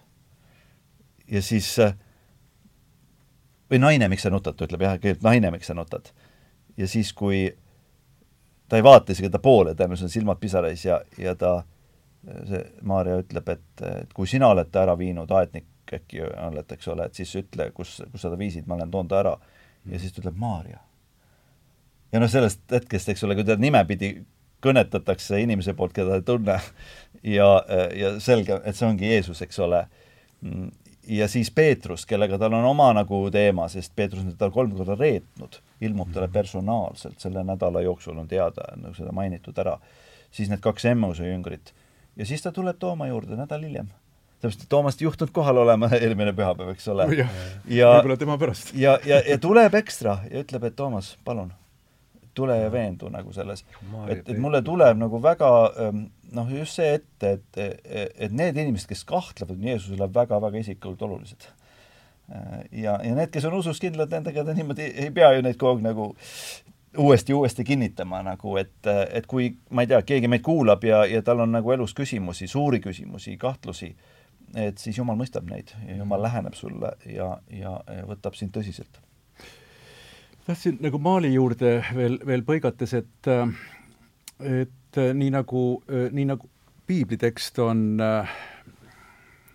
ütleme ka sümboleid ja, ja, ja tõest informatsioon, informatsiooni kogum ja, ja, ja, ja Jumalalt tulev, nii üks usklik kunstnik oma ajas Äh, liigub äh, nendesse pildidesse, mis kannaksid. et, et see, et see pildi väärtusena jääks, äh, jääks järeltulevatele põlvedele. et kui me hakkame mõtlema sellele, sellele noh, Caravaggio tänavale, sellele ümbrusele, mis on, mis on tema ümber, noh, ma ei tea, kas võrreldav Londoni selle ajaga, kui ei olnud veel kanalisatsiooni, aga, aga kisub sinna kanti ja, ja kogu see, kogu see vaesus, see, see noh, mõnes mõttes nagu see lagunemine paistab sealt välja, eh, sealt, seal tänaval olles ja, ja tema tuleb siis eh, oma, oma keldri eh, töötuppa, öösel maalib tõrvikutega, küllap ka mingi aken on, mis ulatab maa, maa peale, nagu Rembrandt samal ajal põhja pool Alpides teeb. muide, muide ongi nimetatud siis, need natuke kattuvad seal Rembrandti ja, ja Caravaggio elud vist, aga, aga on nimetatud Itaalia pool, on nimetatud Caravaggiot siis äh, Itaalia Rembrandtiks mm -hmm. ja, ja, ja ja Rembrandti on nimetatud põhja pool Alpe olevaks äh, Caravaggios mm. -hmm. ja huvitav on see, et nii, tähendab, kah-, seda peeta-, muide, teda peetakse kõige religioossemaks kunstnikuks, ütleme kunst, kunstiajaloos, Caravaggiot. no niimoodi, nagu lause on läbi käinud. ja ja, ja, ja tulles veel selle nagu selle tänava juurde, aga ta puhastab nagu selle kõik ära, et, et, et ta annab meile puhta pildi. seda, seda ei ole, seda, neid Malta, need kiriku jüngrid ajavad taga teda mustades mantlites öösel, astuvad välja prostituudid, tähendab kõik vaesus, kerjajad, lapsed, kõik kõrtsid, tähendab, ja, ja loomulikult tema, tema, see on ime, kuidas see kolmekümne üheksa aastane mees, tähendab, meile üldse nii puhtaid asju toob. Et tal sealsamas on ta äh, poisike tuleb ja ta vägistab selle seal ja siis äh, ta maalib seal edasi ja, ja see pidev võitlus, ta on nagu äh, noh, ta on nagu selles mõttes, äh, meile annab selliseid värve, äh, noh, ma olen seda ütelnud nagu, et meil tolle aja Mel Gibson, et mm., et, et ja tuhat kuussada kõige kuulsam kunstnik Itaalias. Et ja on ainult üks inimene, noh, teadaolevalt, kes on noh, siis kunstimetseen või nii, kes on, kes on nagu vastustanud seda, ütelnud, et ei, see ei ole, ei, see ei ole väärt teos konkreetselt see teos. ja ülejäänud on kõik olnud äh, nõus ja leppinud sellega sellest konkreetsest teosest? konkreetsest teosest on juttu. on, et see on hea. järelikult ta ikkagi to, tollast mõtteviisi väljendas täpselt. ja, ja mis on kummaline, kui me läheme ka noh, nagu kunstiajaloos, et kuidas see sai üldse tekkida ja kuidas see sai niimoodi, tegelikult on ju võib-olla isegi mitusada aastat hiljem tõstetakse alles ta baroki algusesse. et, et tema alustab barokki. et äh, Caravaggio ta, teda võiks panna vahetult, sinna jääb üks väike periood vahele, on mannerism, mis on siis mm, -hmm. on, pikalt tuleb renessanssi, on renessanss on alguses, siis on keskel ja siis on äh, nagu hilisrenessanss, mis hakkab vaikselt minema üle äh, mannerismiks, ma ise natukene nagu hoidusin sellest, mõtlesin, et, mis, mis, mis see tegelikult peab alati kõike uurima, et et mulle, mulle nii väga meeldib mannerism. et see, mis vahetult on nüüd äh, Caravaggio eelne, El Greco pärineb sealt. Äh, Meego lemmik. ja, ja kui me vaatame veel seal neid tegelasi, et, et mis siis on, et võiks ju öelda, et miks Caravaggio ei pikendanud mannerismi, et ta on ju nii uus ja nii teistmoodi äh, ja nii omapärane ja nii enesest läbi laseb selle kõik. et kui manerismi kohta kirjutab kunstiteadlane, noh, kui ta teeb üks, ükskõikset teksti, siis ta kirjutab, et manerism oli selline, et noh, kunstnikud väänasid ja tegid nagu koledamaks ja, ja venitasid ja ei olnud nii nagu päris äh, siis äh, seda saab ütelda ainult inimene, kes äh, noh, ei ole maalinud kunagi. -hmm. sest et, sest et noh, kes järgi teevad, ka tänases, kui me, kui me ütleme, et mannerismi aeg oli väänav, kole ja noh, realismist kaldus ära ja ei olnud päris, siis mis me tänaste väänajate kohta ütleme, kes tuleme postmodernismi, mis on, mis on lootusetult pikaks veninud aeg praegu ka, võrreldes kõikide kunstivooludega, kui me neid järjest vaataksime, siis ta on, juba hakkab ületama eh, siis baroki eh, ajapikkust mm praegu postmodernism, aga me, kuna me oleme liiga lähedal selle ajale, hiljem ma siiski arvan, et see pannakse lühemaks. kui me ajast natuke ka nagu eemaldume ja üles tõuseme lennukiga nii-öelda et, et miks seda ma äh, nagu äh,, ja tulles veel tagasi, ütleb El Greco, tema kaasaegsete juurde, mannerism, et seal võime võtta veel nimesid seal noh, Tintoretto, vaieldamatu lemmik äh,, Veronese, noh, et, et tundub, et maailm ei saaks nagu ilma nendeta olla. et, et kuidas äh, et kuidas nad nii väiksesse ajalõiku on nagu surutud ja, ja kui me vaatleme seda, et mis seal siis toimub, et renessansi järel no just tahan nagu sellesse kohta jõuda, et, et milli-, miks niisugune pildi käekiri nagu, nagu saab elujõudu, nagu Caravaggio meile pakub, on see, et äh, hakkab äh, noh, ma ei ütle, et renessansslik maailm hakkab, noh, mõnes mõttes vaata, Caravaggio sünnib maailma, kus on Martin Luther on oma teesid mm -hmm. pannud, löönud siis kiriku uksele. Äh, pa-, paavstid enne teda on ikkagi juba noh, hakanud juba tähendab, küsima, milles asi, tähendab, seal on juba, inkvisitsioon ei ole veel täisjõus, see hakkab täisjõus tegelikult Caravaggio ajal. konfliktipunkt tegelikult justkui, kui tahaks nagu ideaalset pilti vaadata, siis on see konfliktipunkt, punkt hakkab just selle näpuga vajutan sinna sisse, sinna haava sisse ja siis on enne seda kunstiajalugu ja, ja siis siin pärast seda. Mhm. kuigi vahetult enne seda see tõuseb, see ei ole nii, et renessanss kuidagi kaob ära, vaid ta, ta, vaid ta läheb väga kunstnikukeskseks. kunstnik tunnetab selle meeletult ise läbi. ei ole siin mingit tahtlikut väänamist, vaid, vaid see on läbi tema läheb see ja nüüd ei piisa sellest, et Caravaggio veel selle lõpetus oleks, selle hilisrenessansi väikse manierismi lõpetus ja öeldakse, et temast algab uus asi pihta mm. -hmm. et ju ta pakub siis midagi nii uut, mida ei ole siiamaani olnud. Caravaggios hakkab uus asi pihta siis, jah? no teda loetakse ikkagi baroki alustajaks mm. -hmm. jaa, ma, ma arvan, et eh, meil on ka raske ennast nagu uuesti panna sinna ajastusse äh, aga see pidi olema väga tormiline ikkagi, sest äh, reformatsioon ja vastureformatsioon ja õige, vastureformatsioon on kohe, eks ole, siin. ja, äh, ja Caravaggio ikkagi mängib tippseltskonnas, et kui ta paavstid tegelikult ka äh, tegelevad tema kaitsmisega lausa, eks ole, kui tal seal on ju mõrvasüüdistused ja mis tal kõik on seal, et, et ta, ta on kindlasti väga hea suhtleja, ma arvan, et sellest tuli ka eelmises saates mm -hmm. äkki juttu, et et ta, ta oli küll hästi impulsiivne aga, aga ta oli võimeline tegelikult ka ennast ikkagi nagu tõestama ja, ja teostama selles mõttes ja noh, kui ta Maltal kas või kuidas ta saab äh, selle ordu liikmeks, noh peaaegu et noh, umbes maali eest, eks ole, ja noh, siis ta mängib ikkagi nagu selle kõik maha ja, äh, ja nii edasi, aga noh, see maal on ju varasem tegelikult, et et mida ma tahaks nagu võib-olla veel esile tuua, on see, et et kui sa tõid selle Mel Gibsoni teema sisse, et ikkagi jah, ta mitte kõikides tema piltides, aga, aga väga paljudes on ikkagi ka see valu ja brutaalsuse ja võib-olla natuke nagu mingi, mingi pühaduse tundepiir on siin vaata, et kui sügavale sa selle näpu ikka nüüd seal nagu torkad mm. -hmm. ja Jeesus aitab teda selles torkamises, et noh, siin peaaegu selles kehakeeles tundub nii, et Toomas ei julge seda näppu küll rohkem liigutada isegi tahaks nagu tagasi tõmmata. ja just nimelt, ja Jeesus aitab, et, et mine lõpuni sellega, mis sa äh, vajad, on ju, ja, teed.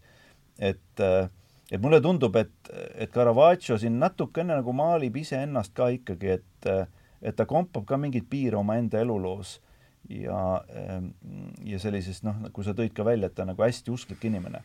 et ka nendes kõige raskemates äh, heitlustes, millest ta läbi läheb, julgeb ta lõpuks seda näppu nagu panna.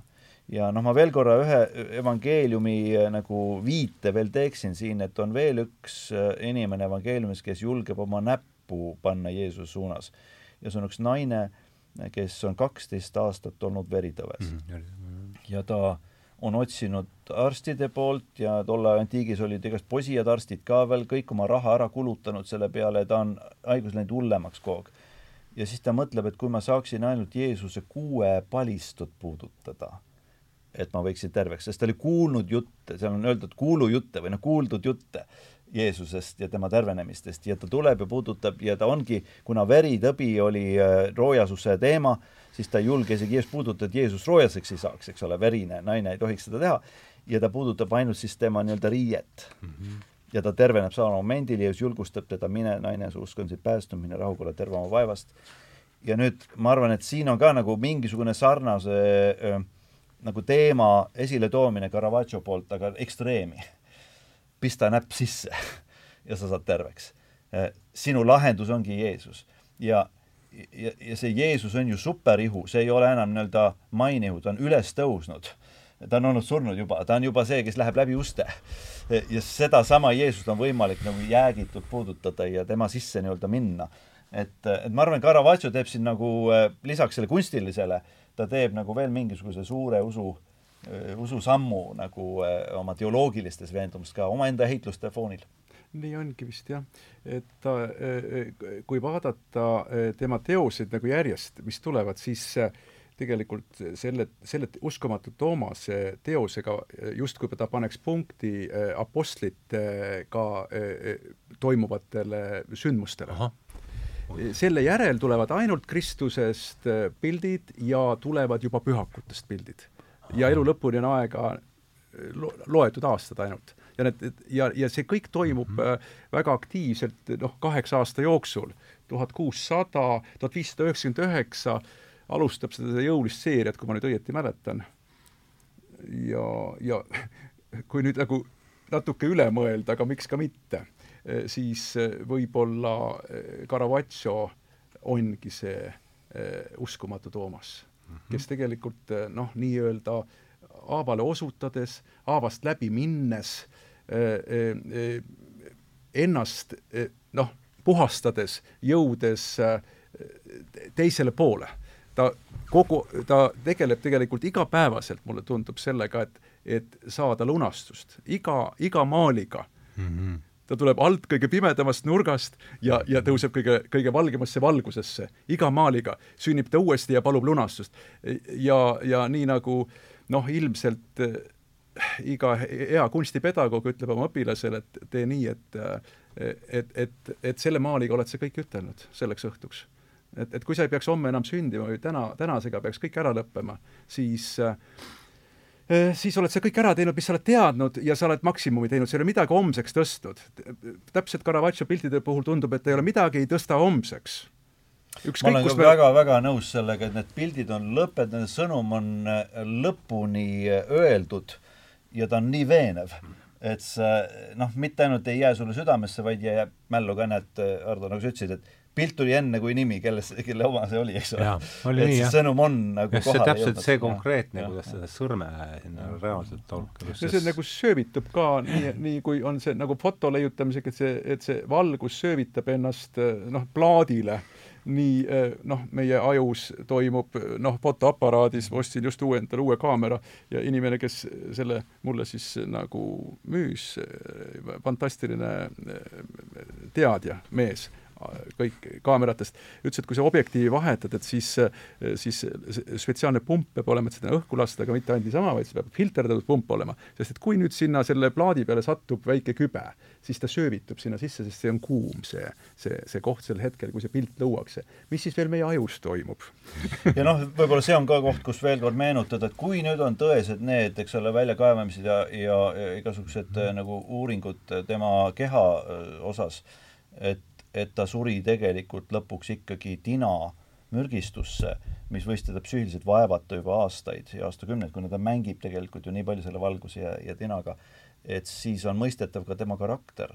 ka need võib-olla väga keerulised stseenid tema elus, kus et ta on tegelikult psüühiliselt vaevatud inimene ja seda enam nagu sirutub ta Kristuse poole, seda enam nagu ta pistab selle näpu sinna, et ka seal on lunastus ja ma tahaks Toomase juures nagu uuesti korra peatuda, et et Toomas ütleb sellel õhtul välja midagi, mida mitte kunagi varem ei ole öeldud.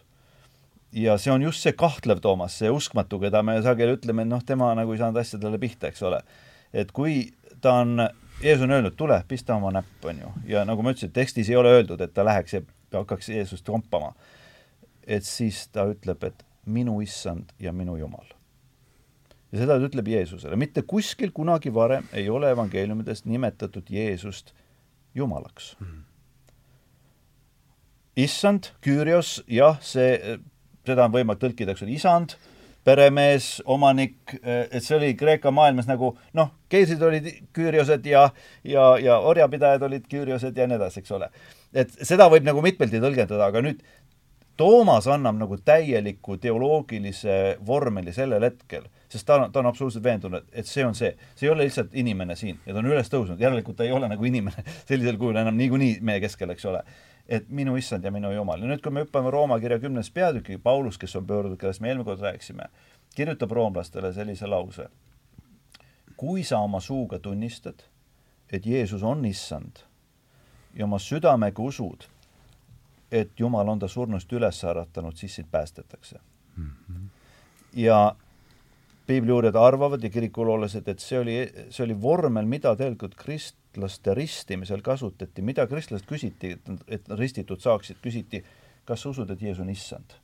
ja siis need kolm mm -hmm., noh, me, meie keeles kolm tegelikult, kreeka keeles kaks sõna mm, -hmm. Jesus, Kyrios mm. -hmm. et Jeesus on issand ja seda ütleb esimesena välja Toomas mm. -hmm. ja ta samastab ta siis sellesama Jumala, kes kõik on loonud, kes kõik on päästnud, kes kõik läkitab meid ja ta, äh, Toomas on see mees.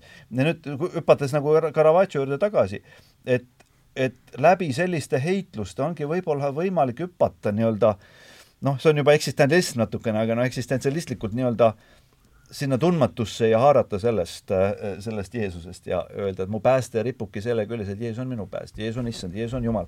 ja ükskõik, mis elus juhtub, et ma hoian temast kinni. ja ma arvan, et äh, turbulentsetel aegadel, nii nagu Caravaggio ajal, meie ajal, on tegelikult see hästi-hästi oluline. olen viimased kuud pidanud väga palju vestlusi hingehoidjana pidama Ukraina pagu-, pagulastega, kes siia Eestisse on jõudnud. ja kui ma midagi sellest olen õppinud mm., siis on see, et niisugustel aegadel inimesed haaravad Jumalast. alles eile vestlesin ühe mehega, mis tuli läbi Venemaa, sest ta ei saanud mujalt kuskile Eestisse kui ainult Venemaa kaudu veel. Ja ta ütles mulle, esimene asi, nagu ma ta lauda istusin, ta nägi mul pastori krae ja, ja niimoodi ta ütleb, et äh, ma olin ateist, aga enam mitte no see on see mõte, et kaevikutes ei ole ateiste. jah. Ehm, jah, siia stuudiosse tulles ma mõtlesin, et, et, et me kohtusime enne sõda ja, ja nüüd äh, sõja järel või sõja ajal. et äh, see moment, et, äh, et kui ma näen, siis ma usun et, et siin käib see sõna käib selle pildi ees ja pilt käib tegevuse ees. et ja, ja samas võib-olla see sõna ka kutsub esile tegevuse või siis eelolev tulevikutegevus äh, kutsub esile ka sellise mõttekäigu. kui ma, kui ma räägin äh, sellest, kuidas ma usule tulin, siis ma ütlesin sellise lause välja äh,, mis võis selle just esile kutsuda, selle usule tulekut ma ütlesin sellise lause välja, et mina ennast tänava peal ära rääkida ei lase. ise mõtlesin, et, et kui keegi tuleb vastu, laulab, paneb käe õlale, vaatame piiblit ja ma kujutasin seda täpselt ette ja selle ütlemisega ma kutsusingi selle esile. Et äh, täpselt ma näen sedasama momenti siin, et ja, ja see oli üks aeg, ma tulen siis, ma olen seda lugu rääkinud, tulen Lasnamäelt, sõidan äh, varakevadisse äh, vanalinna äh, Tallinnas ja ja lähen üle Raekoja platsi ja, ja see tundus nii suur, see plats siis, nagu ma, nagu ma oleks väike Aapo olnud, see üheksa-aastane. ja, ja, ja seal laulavad eh, siis kolm inimest, kes hiljem selgub, et on Oleviste kirikust ja, ja hiljem nagu pilti kokku pannes Rein Uuemõis on üks nendest ja üks vanem proua ka ja see vahemaa on suur ja aga ma sel hetkel ei mõtle, et, et nüüd ma olen selle lause esile kutsunud ja ma olen täpselt sellesse tulipunkti läinud, kus see asi nüüd toimuma hakkab. ja, ja kui see laul saab läbi või seal mitu laulu, siis kui te tahate, siis tulge siia lähemale. ja selliseid on üksikuid seal platsi peal veel seismas, kes on nagu kuulatama jäänud. üheksakümnendate alguses oli see. ja, ja, ja kõnningi lähemale ja see lõpeb sellesama palvega. Hmm. et kas sa tahad oma pattude andestust saada ja kui sa usud sellesse et Jeesus on sinu issand ja päästja, siis ütle oma, seda oma sõnadega. Ja see toimub seal ja see vanem proua ütleb, minul on silmad kinni või niimoodi vaatan läbi ripsmete ja siin on veel inimesi ümber ja ja ütleb, et ta läks näost valgeks minu kohta ja mina saan niisugust sisemist kinnitust, et noh, mitte ma ei ole minestamas, vaid midagi erilist on või teistsugust on toimumas e,. niimoodi. ja kui me keerame tagasi e, siin viimase kuu sisse või natuke rohkem või niimoodi, siis oleme Meegoga, oleme minu ema surivoodil. ja, ja sellele eelneb eh, ja Meego on meie peretuttav no, aastakümneid ja ja, ja, ja sellele eelneb minu emaga selline vestlus, et et kui sa peaksid minema, et tahad sa midagi kas mulle öelda või midagi, et, et, et ma tuleks pastoriga sinu juurde ja ja, ja, ja kes see võiks olla ja ema ütleb, et ei, Meego, Meegot ära kutsu. ütleb sellise lause. Ja nüüd see võiks, nüüd võiks mõelda, et mismoodi siis, et, et me ju ei tea, ema, et sa elad võib-olla nädala, võib-olla elad kuu, võib-olla kaks aastat, võib-olla viis aastat, kümme aastat, et mis nagu selles on, aga ma näen täpselt sedasama asja, et ema teab ette, mis siis sündima hakkab ja ta peab selle viimase lõplikult ka ära nüüd andma. mina näen nagu pojana seda mm -hmm. ja me mhm. olemegi seal. ema ei saa enam palju rääkida mm. -hmm ja aga ta, silmad vaatavad, ta ütleb jaa ja ütleb ei ja, ja, ja, ja, ja, ja Meego palvetab. mina istun ema kõrval, nutan, ema on siin voodis ja, ja Meego seisab siin kohal, see on Benita kodus. ja kõik, mis sa siis rääkisid, sest et me ei saa enam, see ei ole enam suurem vestlus. ja selle lõppu Meego küsib ühe lause.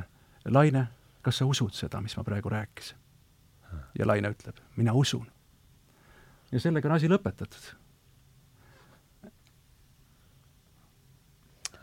Aitäh, Aapo, et sa jagad seda, need on nii isiklikud asjad. aga nii seal selle voodi juures ja sinu ema juures kui üldse elus, ma olen näinud, et äh, jumalaga ongi lihtne tegelikult. et äh, ta ei ole kaugel meist kellestki ja isegi kõige suurematest kahtlustest, nagu see maal näitab, läheneb ta meile oma armuga. Ja äkki ongi see lause, mis Paulus ütleb siis lõpuks, eks ole, nagu Toomase tunnistus, et kui sa lihtsalt suudad ka selle öelda, et Jeesus on issand, siis, siis su elu muutub, et see on, mõne nimetab seda, eks ole, uussünniks, mõni nimetab seda kirgastumiseks, mis iganes me nime selle anname, aga midagi pöördub meie elus, midagi muutub meie elus ja eelmine saade oli meil Pauluse pöördumisest, seal ei olnud midagi muud ka, kui no kui sama. Paulus saab aru, et see Jeesus ongi issand ja, ja tema elus kõik muutub, et et lihtsalt paradigma nihe sai selle saate. just, just nimelt, just nimelt, jah, jah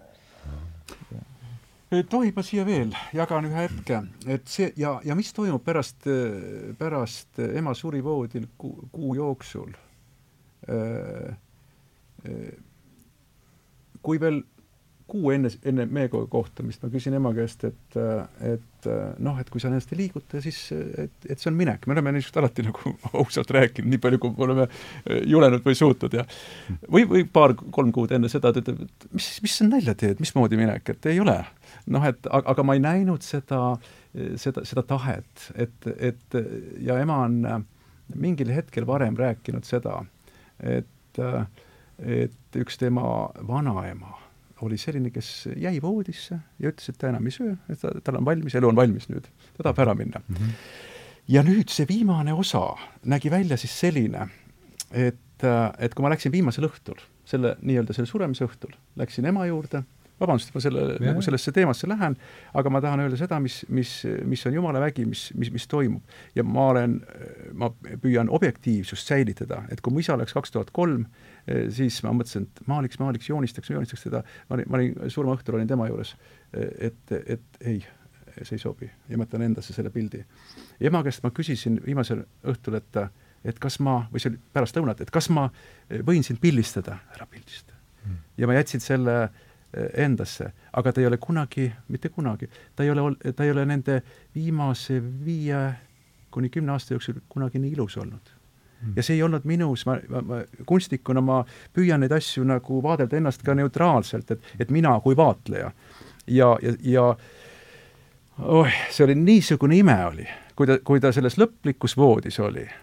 ma ei tea, kust, kes oli talle leiutanud selle kollased õlakud, üks niisugune ilus öösärk, siin oli see, see, see, see tekk oli siia üles tõmmatud ta ei, ma ütlesin, kas sa oled, kas sa oled päevitanud, et kuidas sa oled väljas käinud, et sa, ta oli natuke nagu kokku tõmbunud ja, ja nagu väga pühalik oli see. Mm.. ma ütlesin, et sa näed nii ilus välja. Mm.. et kas sa tahad minna? jah, ütles ta, siis me tegime meie isa palve. et, et ja, ja, ja ma nägin, millise kindluse ja rahuga ja ma ütlesin, et me oleme rääkinud Siimustist, sa lähed oma Äh, vanaema ja vanavanaema kõrvale ja me nägime niisugune nagu pinge lahjenes näost.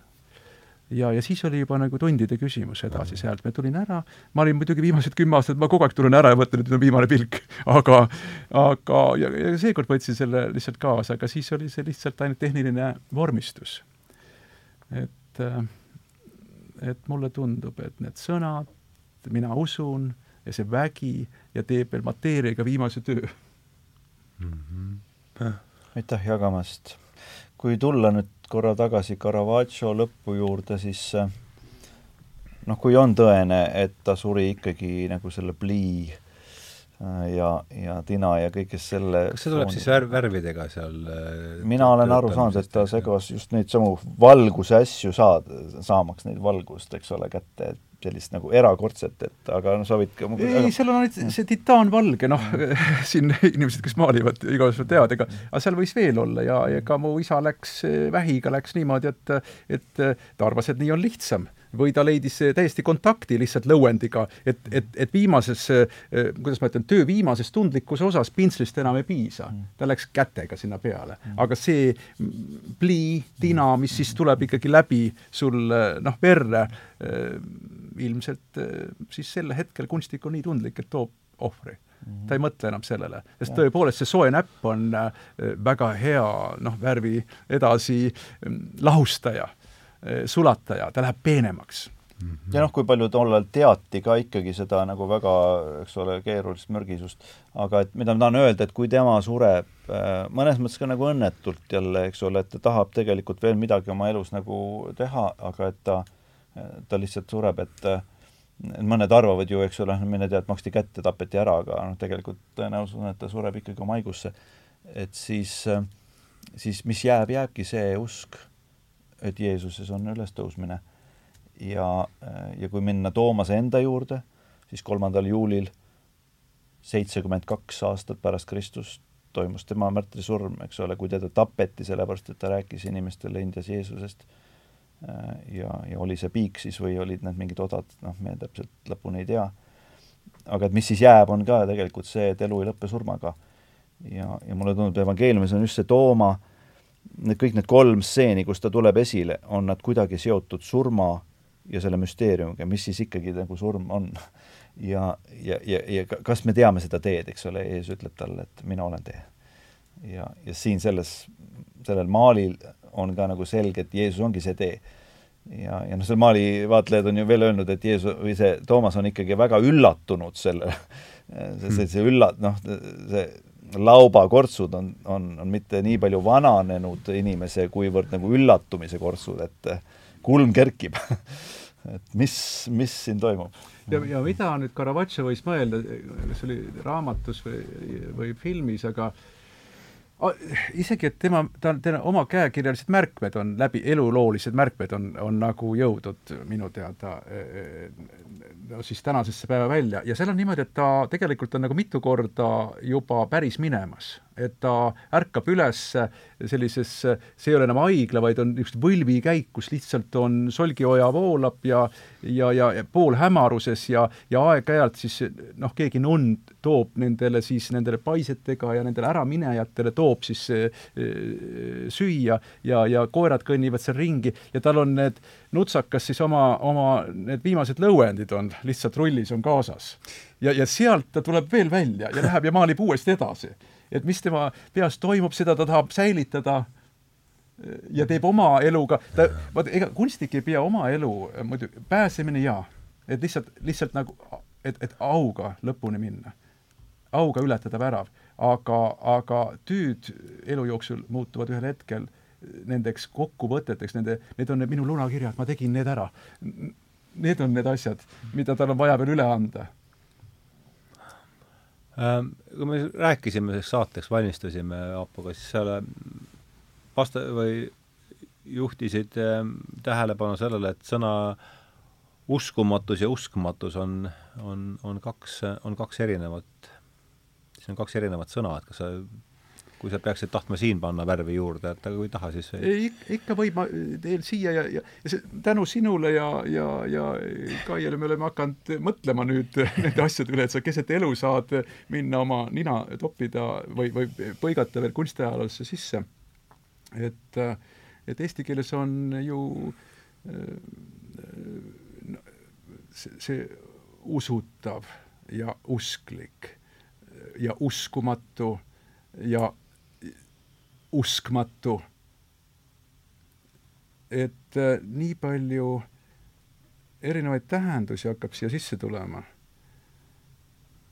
et äh, no mis minul, ma kaotasin ka teise inimese, oli Toomas Suumann, üks mu poolvend ja ja, ja kui mul paluti äh, Toomase lahkumisel kirikus rääkida, siis äh, siis ma alustasin nende sõnadega, et ta oli minu jaoks äh, mitte uskmatu, vaid uskumatu Toomas. et ta oma eluga võttis ette äh, selliseid asju, mis äh, noh, esimese hooga ei olnud usutavad, et mm., et äh,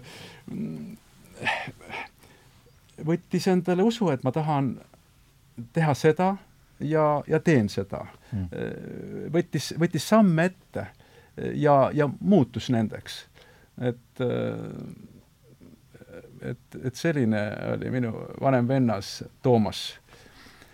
et, et kui mõtled ühe ma isegi ütlesin niimoodi, et ma ei saa öelda, et ühe Rakvere teatri näitleja, vaid ütlen, et et kui Toomas alati rõhutas, kui me kokku saime, et et tema on äh, provintsiteatri näitleja, noh, siis ütleme, mingis muudes tekstides ju tahaks alati sinna ette panna või inimesed panevad ette sinna, et kõigest provintsiteatri näitleja. aga Toomase puhul ma ütleks, et peaks uue provintsi nagu leidma sellisel puhul.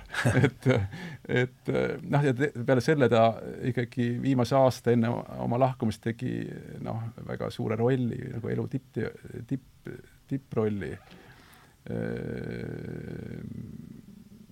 see oli kasvatushoone Becketi lavastus ja see Hendrik Toompere juunior tegi see mm., lava, lavastas selle. ja seal, ja ma kirjutasin samal õhtul siis äh, Toomperele äh, Facebooki sõnumisse, et, et parem, parem ei saa enam olla. et, et see on nii võimas mäng, mis seal toimub et ja, ja mitte sellepärast, ise näen nagu oma teksti kriitiliselt, mitte sellepärast, et, et nüüd on piir käes, vaid sellepärast, et, et siit alles algab asi pihta, et, et see on, avatud on need otsad kõik. Mm.. et, et selline oli see Toomas ja, ja siis ta paneb nahktagi selga, tellib endale juba kolmanda Harley Davidsoni ja, ja, ja kõik need, et, et, et pärast Toomast on mulle Harley Davidsoni hääled, kui tänaval kuulen, armsaks saanud, et et muidu ma nagu sellist noh, ütleme räiget äh, noh, mööda, möödasõitvat müra nagu ei, ei talu, et, et, et see viib mind kergelt rivist nagu välja. aga, aga kui Toomas saabus korra kuus nagu minu Saue koju ja, ja, ja ütles, et tead, Aapo, ja pikalt vestlesime alati ja teemaks oli see, teemaks oli, kuidas kunst sünnib või kuidas näidend sünnib ja kui palju seal on ühiseid joone. ja, ja, ja, ja kui ta ütleb, et et kui, milline pidev sisemine dialoog käib minu sees ja, ja kui ma sõidan vahel Euroopasse sõidan või kui ma sõidan siia Tallinna poole eh, ja siis Aljala kiriku torni korraks vaatan ja siis sekund murdosa jooksul ma tunnen rahu, vaikust, ühendumust. Eh, et, et kõik on korras. noh, ma nüüd ise nagu sõnastan neid asju juurde siia. et siis on jällegi nagu päev korda läinud. ja siis me saame kõva, kõvahäälselt üksteisest üle rääkides seal minu terrassi peal kunsti olemusest rääkida et äh, see oli minu jaoks äh, äh, minu enda uskumatu Toomas. aga kui tulla Maali juurde, siis noh, me ju ka imetleme teda, me räägime temast uskmatust Toomasest, kui me selle teemasse sisse ei lähe, siis me ikkagi noh, ütleme nii-öelda kui nii saab üldse öelda, et jutumärkides nagu tava pühapäeva koolilises mõtlemises me võiksime väga pindmiselt vaadata, et noh, et ära ole noh, uskmatu, ole ikkagi usklik ja, ja nüüd läheme edasi, et et ma kujutan ette, et see situatsioon ise on ka küllaltki äh, uskumatu see hetk ise, eesti keel annab siin nagu, nagu kahe, kahe poolega saame seda vaadata, et see on uskumatu situatsioon, kuidas uskmatuks Toomaseks kutsutud küll hiljem, ta on tegelikult püha Toomas ja kuidas see esile tuleb mm.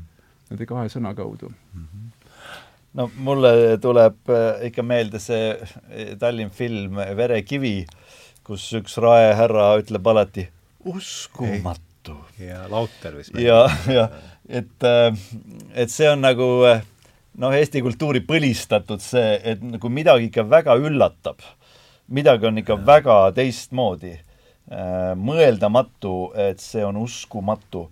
ja, ja mulle tundub, et Caravaggio on ka nagu just selle uskumatu Toomase siia püüdnud maalida, et see üllatunud nägu seal, kas ta näeb või ei näe seda haava, aga et see on see, et päriselt ka on see võimalik? Vana-Tallinnaga seoses, äh, kui ma selle raamatu järel käisin Jüri Henno kodus ja ütlesin, et selline saade on tulemas, äh, siis ta suunas mind äh, Vana Toomase juurde, kes on meil, kelle kolmas koopia on juba seal üleval Raekoja tornis ja ja isegi Jüri Kuuskemaa, kes nüüd selle legendi toob meieni, kuidas siis olid need raehärrad või tollased rüütlid siis teinud seda papagoi laskmise võistlust ja, ja nüüd tuleb väikse, väikese Taaveti moment tuleb siin sisse, kus siis üks Kalamaja väike poiss nimega Toomas kõrvalt lihtsalt oma väikse mänguibuga laseb selle, mida suured ei suutnud, laseb selle papagoi pihta, kõik on imestunud, aga võistlus on rikutud, tahetakse nagu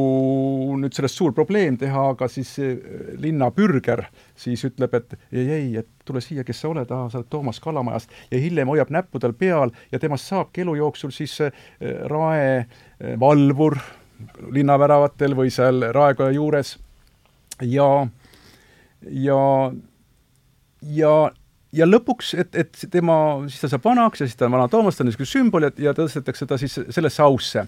ja nüüd Kuuskemaa kirjutab lõppu. aga see on kõigest legend ja nüüd tekib küsimus, Jüri Enno küsib siinkohas, et et ja kusjuures see on aastanumber tuhat viissada kolmkümmend, see on enne, kui see meie tänane teos sünnib mm. -hmm. pannakse Toomasest tuulelipp Raekoja torni ja ja noh, selge, et kaupmehed tahtsid vaadata nüüd siit kitsastest tänavatest üles, et kustpoolt täna tuul tuleb, et kuidas me oma laevad nüüd sätime ja, ja millise linna me nagu täna pärastlõunat võtame aga eh, see eh, ära ole usk, ära ole uskmatu, vaid ole usklik. ja kui selline, selline kõrgub üle linna, selline Toomas, hoides käes seda, seda noh, lipuosa tugevalt, eh, siis see on ilus märk väga huvitav kultuuriloone seos.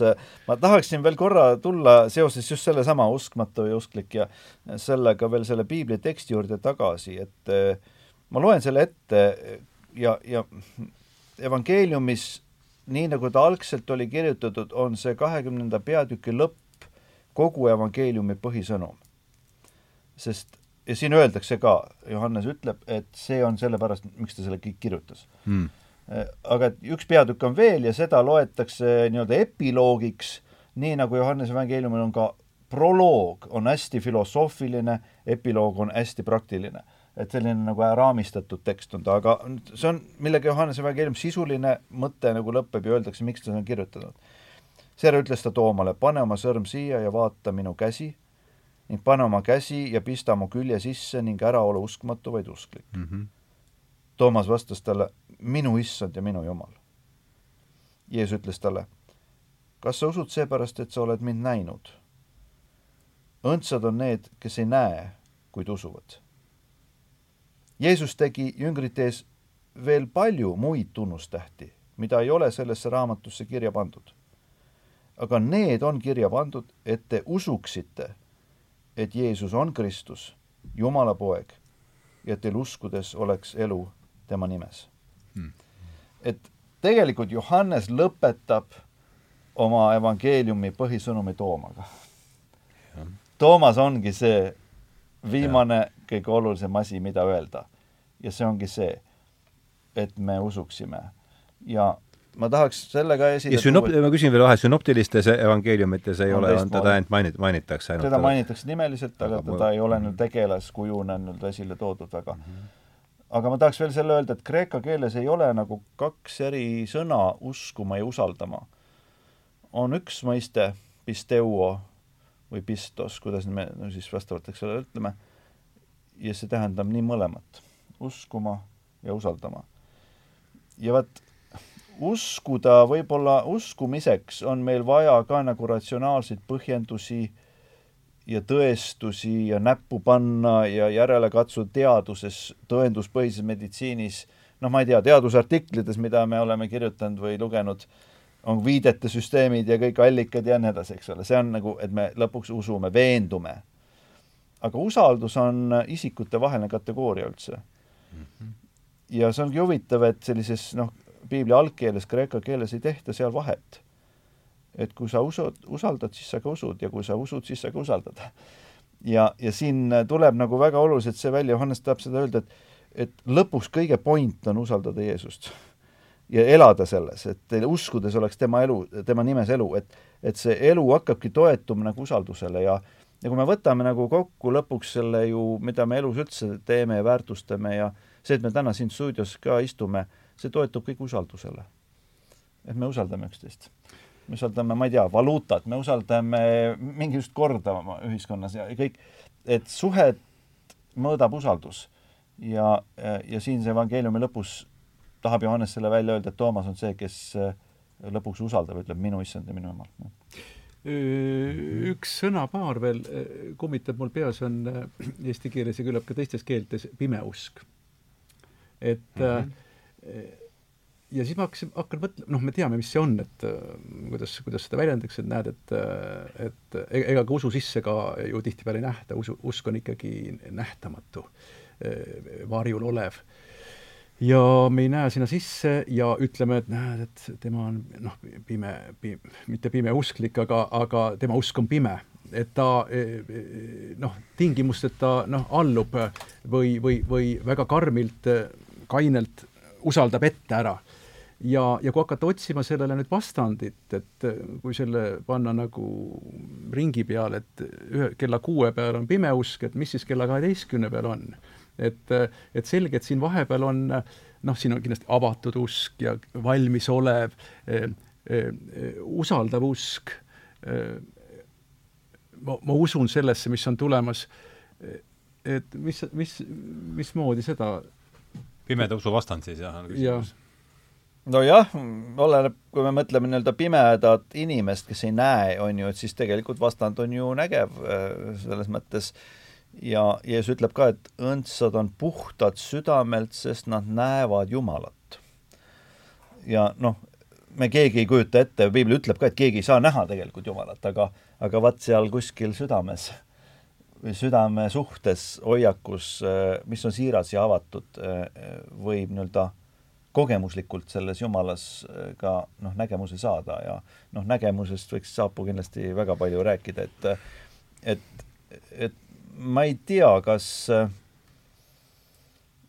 noh, usklikkuse mõttes, noh, kristlane sageli öeldakse, no usklik on ju, et et kas ratsionaalne komponent nagu puudub, vastupidi, ta toetub väga tugevalt ratsionaalsele, piiblitekstid on ikka ajalooliselt verifitseeritud ja ja me räägime reaalsetest tegelastest, mitte müütidest ja nii edasi, aga et seal on veel nagu komponent, ta istub ikkagi nagu taburet maas, et see ratsionaalne komponent on üks nendest, aga teine on sotsiaalne komponent, seesama see, see et meil on isikutevaheliste suhetega tegemist, meil on usukogukonnaga tegemist, keda me võime usaldada sellepärast, et me oleme kogenud selle tõepärasust, selle veenvust, selle jätkusuutlikku eluvormi. ja, ja ma arvan, et seal on mingi emotsionaalne komponent ka, mis annab elule nagu elusamuse, nagu Kumasingi ütleb, või selle noh, elamusliku poole tegelikult. Ja noh, kui me vaatame kas või religioosset kunsti või muusikat, et siis see lisab elule nii, nii palju. Äh, sest see, see annab midagi, mida tegelikult inimene otsib, ka esteetika on ju lõpuks tegelikult elamus ja ja, ja meid on loodud selliseks. looja on maalinud selle imeilusa kevadise looduse ju võrratult nauditavaks. ei tahagi sellisel ajal öösel magama minna, sest see on nii ilus. ja see, ja see sisemise koge-, kogemise kaudu äh, ka inimese elu saab muudetud. see jõuab ka mateeriasse pärale lõpuks et ja kindlasti ei ole see pimeda usu mõiste, ei ole noh, inimene ei ütle enda, enda suhtes, et minul on täna, minul on pime usk juba viimased ajad, aga ma tunnen ennast selles nii hästi, et no kindlasti ei saa seda olla. ja, ja see, see on ikkagi hinnanguline, see on võib-olla sellesse sotsiaaliasse mitte kuuluv äh,, antakse hinnang ja ometi see, see kõrvaltvaataja oh, nemad on, nendel on pime usk või sellel inimesel on pime usk, ta läheb kas või läbi seina eh, ja, ja, ja teda ei kõiguta miski, ta lihtsalt on võtnud endale pähe, et ta usub sellesse. aga ega see on ainult hinnang, ega ta ei pruugi seda, neid vilju, vilju ära oodata, ta ei pruugi eh, noh, ta ju ilmselt ei ole ka osaline selles, selles, selles, selles tegevuses. et see on kõrvaltvaataja tekst ja, ja, ja, ja ka kriitiline tekst mhm. ilmselt irooniline ja kriitiline. ja noh, võib-olla siin sellel äh, maalil ja samuti selles piibliloos on ka ikkagi näha, et, et see ratsionaalne komponent on tähtis ja et me kontrollime asju ja Jeesus ise tahab, võtab selle käe, näed, ja et tule vist jah, proovi, vaata, aga et see, mida me tegelikult lõpuks nagu oluliseks peame elus, ei toetu ainult ratsionaalsele. et me võime laboris küll mõõta ja, ja, ja kõik nagu paika panna, aga noh, võtame kas või meditsiini, et, et see, et me laboris teame, kuidas haigused toimivad või neid ravitakse, ei tähenda veel, et inimesed ravitud saavad või terveks saavad, sellepärast et seal on see sotsiaalne komponent ja emotsionaalne komponent täpselt samamoodi vähihaiguses me näeme mm, -hmm. kui määrav on see tegelikult, millises koosluses inimene elab, et mm -hmm. mitte lihtsalt, et keemia ei tee inimesi terveks kõiki. no siin on nüüd need äh, ütleme, sõnad, mis seal on siin täna õhus olnud äh,, usklikkus, uskmatus, usk, uskmatus, uskumatus, ateism, et meil on siin pool tundi jäänud järele Maksimul, et ma loen ette ühe tsitaadi, mis mul tuli seda juttu kuulates meelde ja võib-olla arutame selle üle natuke, see pärineb siis, et minu suurelt lemmikult Briti poliitikafilosoofilt äh, John Graylt ja tsitaat ise on järgmine. loen siis. Ma üks on vist äh, Õlg koertest, ma ei ole päris kindel. oota, ma tundus, kohe leian üles. kadus juba ära siin, nii nii, uskmatus on käik mängus, mille reeglid on paika pandud usklikud. eitada Jumala olemasolu tähendab omaks võtta monoteismi kategooriad. ateism on kirglik, on kristlik, on kristlikult kirgliku tõearmastuse hiline õis. Kristus andis hoobi paganliku illusiooni sallivuse südamikule. väites, et on olemas ainult üks õige usk, andis see tõele ülima väärtuse, mida sel polnud veel kunagi varem olnud ühtlasi võimaldas see esimest korda ka usust jumalikku üldse lahti öelda. kristliku usu pika vinnaga tagajärjeks oli tuline tõe kummardamine, mille kõige välja, mille kõige täielikumaks väljendusviisiks on ateism. Ühesõnaga, Gray ütleb, et krist-, ateismi tuleks vaadata esmajoones kui kristlikku hereesiat, et mis te sellest, ma viskasin ta siit niimoodi täitsa uh, ootamatult üles, et kas, mis mõtteid tekitas ja üldse, et see oleks kuidagi mulle tundus, et asjad jah, jooksevad sinna kokku natuke. ma, ma, ma oleks nagu Eino jah vastusega mm. -hmm. et jah, kindlasti selle poolest, et kui Jumal võtab väga selge kuju noh, mis kristluses tänu noh, sellele antiik ju muutub totaalselt tegelikult tänu sellele, et Jumal võtab väga selge kuju, mis ei olnud enne Jeesust üldse. igal, isegi Rooma impeeriumis erinevatel rahvastel, kultuuridel omad jumalad, eks ja. ole, ja nii edasi kõik, aga et, et kui Jumal võtab väga selge kuju, siis sellele on võimalik ka vastanduda väga selgelt mm. -hmm. ja ongi ja. võimalik nii-öelda pakkuda alternatiivset maailmapilti sellele väga selge kuju võtnud maailmapildile ja ma arvan, et kristluse probleem on olnud läbi aastasadade, et me oleme püüdnud luua Jumalast ka väga täpse ettekujutuse, sest see tagab teatud turvatunde, et me nii-öelda kontrollime, noh nagu Erich Fromm ütleb, eks ole, et me saame selle Jumala omale. et, et see on meie Jumal, minu Jumal nagu, et, et siis nüüd ma tean, milline ta on ja nüüd ma olen turvaliselt nagu selle Jumalaga saan nagu oma elu elatud aga kui Jumal on päriselt Jumal, mis teoloogia kategoorias on, et ta on kõike teadev, kõikjal viibiv, kõikvõimas, et kui me mõtleme üldse aegruumi, et see Jumal ulatub sellest üle, noh, ma, tahaks nagu tulla, eks ole, maailm, kõige kallim maal minu teada on see eh, Da Vinci eh, Pantokraator või see eh, Salvador Mundi, eks ole, mis, et, et Kristus hoiab kogu maailma enda käte vahel. et, et kui see on tegelikult Jumal, siis meie kategooriad ei suuda teda niikuinii mõõta, Jumal mõõdab meid, mitte meie teda, on ju. et, et siis tegelikult on võimatu nagu ka luua Jumalast mingit niisugust pilti, millele vastanduda mm -hmm. täpselt nii, nagu Gray seda, seda ütles. et noh, ma toon nagu teise sellise autori siia sisse, Dawkins, eks ole, kes ütleb, et maailm on juba nii keeruline et sellest keerulisemat ei saa olla, ehk siis tähendab, Jumalat ei saa olla, sest maailm on juba nii keeruline. aga iga aasta toob meile uusi teadusavastusi, me saame aru, et maailm on veel keerulisem kui Dawkins seda öeldes teadis. ja edasi ja edasi. et tegelikult ma tahaks öelda seda, et et kui Jumal on müsteerium selles mõttes, et Jumal ületab meie mõistuse ja, ja on rohkem kui üks persoon isegi, eks ole, kolmainsusest rääkides, me saame aru, et Jumalas on rohkem, meil on üks isiksus, loomal pole sedagi võib-olla, aga Jumal on rohkem kui üks isiksus. et siis noh, ta on kümme astmel viiskümmend kuus, ütleme, et, et me nagu ei, ei suuda seda nagu enam mõõtkavadesse kuhugi pannagi. Aga et millega ma nagu ei nõustuks seda Gray tsitaati nii-öelda noh, kuidagi kommenteerides mm, -hmm. on see, et minu arvates ateism oli antiigis väga olemas.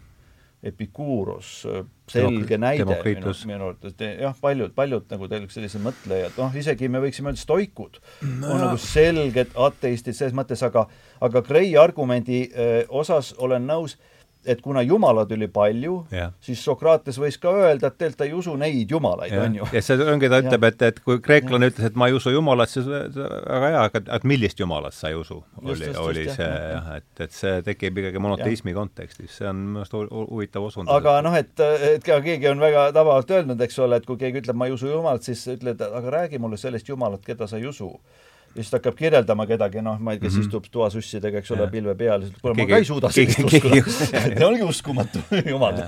et, äh, et meil on niisugune äh, natukene liiga mm, mannetu ettekujutus vahel Jumalast võib-olla, aga, aga kui me räägiksime ikka selle kosmilise väega äh, nagu, kui me räägiksime millestki niisugusest või kellestki niisugusest, kes on, ületab kõik seda, mida me siin oleme kogenud, siis noh, vaadata päikesse lihtsalt saada aru, et me oleme natuke väiksemad kui päike, et jah aga ma ei tea, milline sinu kommentaar on? ma mõtlesin praegu nagu kunsti seisukohast, et, et, et, et lihtsalt mul pildis näeb see seesama kõikvõimas istub üle aegade kor- ja, ja see mahub ilmselt noh, ühte, ühte väiksesse paksu raamatusse äh, äh, niimoodi siis, oot, et inimkonna alguses nad kujutasid mind, ehk siis noh, mina panin neid kujutama mind ja, ja, ja siis ma andsin neile võimeid juurde et äh, ega siis võtame seal Lukas Cranach või võtame esimene tuhat aastat, me võime väita, et tegelikult äh, kui palju on äh,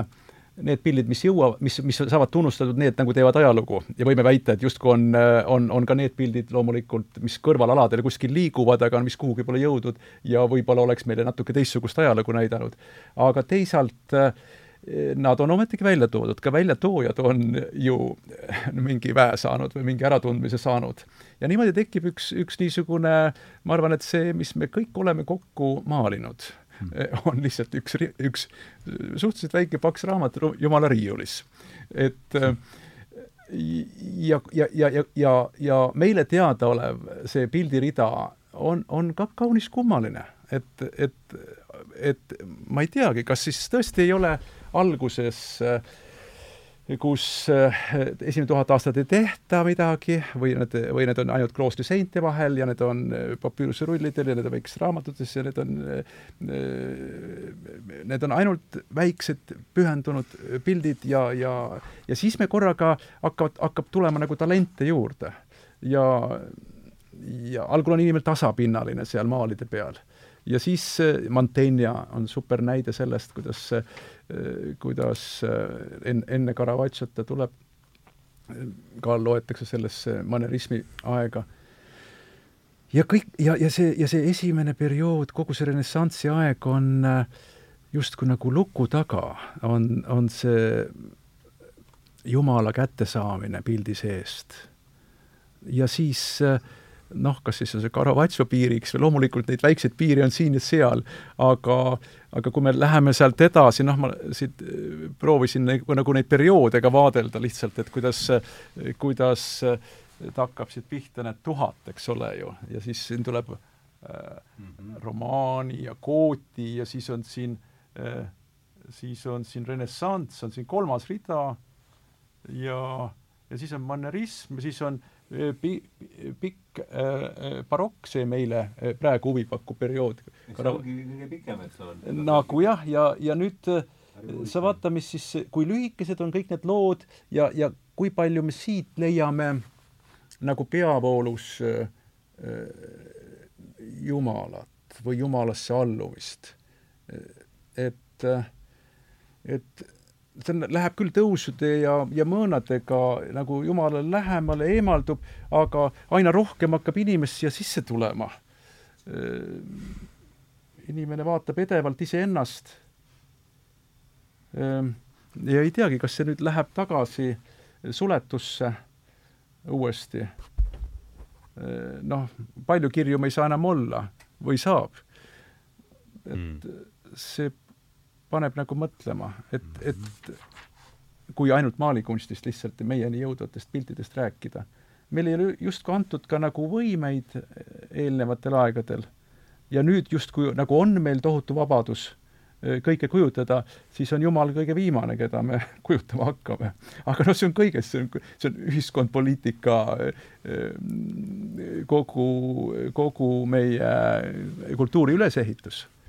aga noh, võib-olla siit edasi mõeldes ma äh, leian, et kunst on ikka ja jälle ka prohvetlik, et mm -hmm. seal on nagu mingid sõnumid, mida veel üldsus äkki ei ole suutnud sõnastada, aga kunst või kunstnik tunnetab seda, ta annab selle kuidagi edasi, siis me hakkame nägema, et need asjad tulevad esile, et et kui vaadata nüüd nagu seda hilisemat ja ma ei julge siin üldse nagu selles mõttes professionaali mõttes üldse nagu midagi kommenteerida, aga mulle tundub, et et kui me näeme mingit prohvetlikku sõnumit läbi kõikide kunstivoolude kuni tänaseni välja, siis see on kuskil mingi appihüüd, mingi karje millegi või kellegi järgi, kes päästaks meid siit sellest asjast.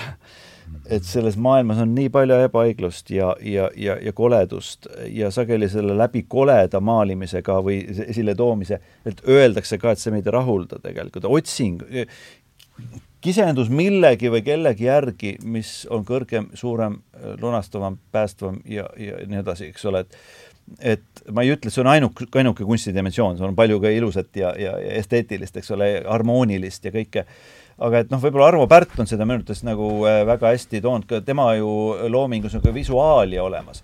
et ei ole ainult nagu äh, heli, vaid see, see, kui vaadata seda noodikirja, et siis on see nii-öelda see kontrapunktne, see stabiilne põhi on alati see jumalik see Jumal, kes mitte kunagi ei kao, kes on alati olemas ja inimene nüüd selle ülemise, selle tintinnapuli, eks ole, see, et tema võib nagu liikuda siia-sinna, minna eemale, tulla tagasi, aga Jumal on alati.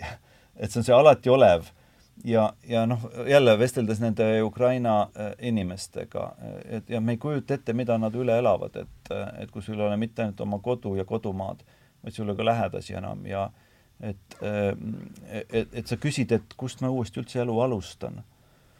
ja siis nad ütlevad, et aga Jumal on see, kelle peale ma saan nagu täna ka toetuda veel. ja minul on isegi vaimulikuna nagu keeruline, no ma ei julge küsida ka, et, et kas see Jumal ei ole kahelnud aga ehk, ehk et siis mingi fundamentaalne usaldus ikkagi elu vastu, hoolimata sellest, mis on juhtunud.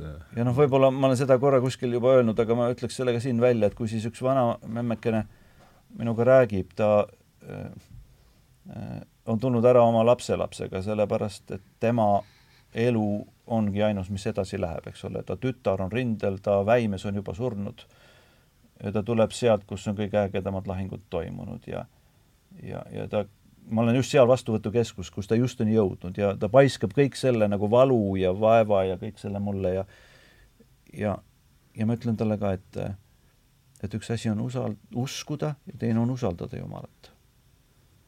ja siis ta silmad lähevad kuidagi särama ja ta ütleb, jaa, jaa, ma tean, ma tean. Vene keeles toimus see siis? Vene keeles. ta ütleb, et kui me ei anna andeks siis me peame ise võitlema oma võitlust. kui me anname andeks, siis võitleb Jumal. et tead, see muudab minus nagu kõik sellel hetkel, et üks vana naine ütleb mulle välja teoloogia nagu sellise kõige sügavama olemuse usus ja usalduses Jumala vastu. et, et meil tuleb lihtsalt usaldada Jumalat ja Jumal võitleb meie eest. jah see veel noh, nii ei saa muidugi öelda, no nagu ma praegu kavatsen öelda, et et, et, et ähm, see aeg pidi esile tulema, et, et kui noh, on ajad, kus kirikumaalid noh, käivad ees ja inimesed püüavad ennast kohandada ja, ja aru saada, kuidas see, kas, kas see, kas see puudutab teda, kas see sõnum, kas see sõnum on päriselt tema elust ka ja, ja, ja, ja loomulikult, kui, kui inimene usus vaatab kirikumaale siis kas on raske hetk või ilmselt raske hetk, ta, ta nutab seal, see on tema kontakt Jumalaga. ja, ja nüüd on, on ühe ohvrirahva läbi tuuakse meile eh, nii-öelda see, need näited tuuakse koduõue ja me saame palvetada kaasa. ta on, see on nii lähedal, need võiksid me meie olla, miks me ei tee seda, miks me oma valikuid ei tee, miks me ei pöördu Jumala poole kõiges. meile lihtsalt tuuakse need näited päriselus veel võimsamana kätte kui noh, lõuendi peale maalitud maalid mm. -hmm ma olen väga seda meelt, mis Meegogi rääkis siin, et et kunst on, annab märku sellest teadmistest, mis on verbaliseerimata ja seega kuidagi laseb aimata seda, kuhu poole me liigume, et kuidas sa, Aapo, tegutseva kunstnikuna, mis, mida, mida sinu arvates maalikunst nii nagu seda sina, nii nagu kui sina maalikunsti enda ümber praegu tajud, mida ta meile, mis ta meile näitab, kuhu ta, kuhu, kuhu kujundid juhutavad? ma ei oska kõige, kõigest rääkida Endast oskan rääkida, mul eile vaatasin väikse Nooraga, nelja-aastase Nooraga vaatasin, eh, et vaatame multifilme ja siis on üks kas Mõmmi Aabits või siis Kikeriki ja, ja siis vaatan, löön siis internetti paralleelselt, vaatan siis aasta tuhat üheksasada kaheksakümmend kaks ja siis see stu-, Noora vaatab seda ja see on ilus ja hea ja kõik. ja, ja siis ma vaatan seda noh, poolpimedat ja prožektorite sees olevat stuudiot äh,, seal on äh, kunst äh,, sammal on maas ja teerajad ja siis on seal üks, üks, üks, üks roheline puu ja sinna peale on lilled kleebitud ja siis on seal kamuflaažvõrk ja siis on see, heidab varju ja siis on seal välja lõigatud puud.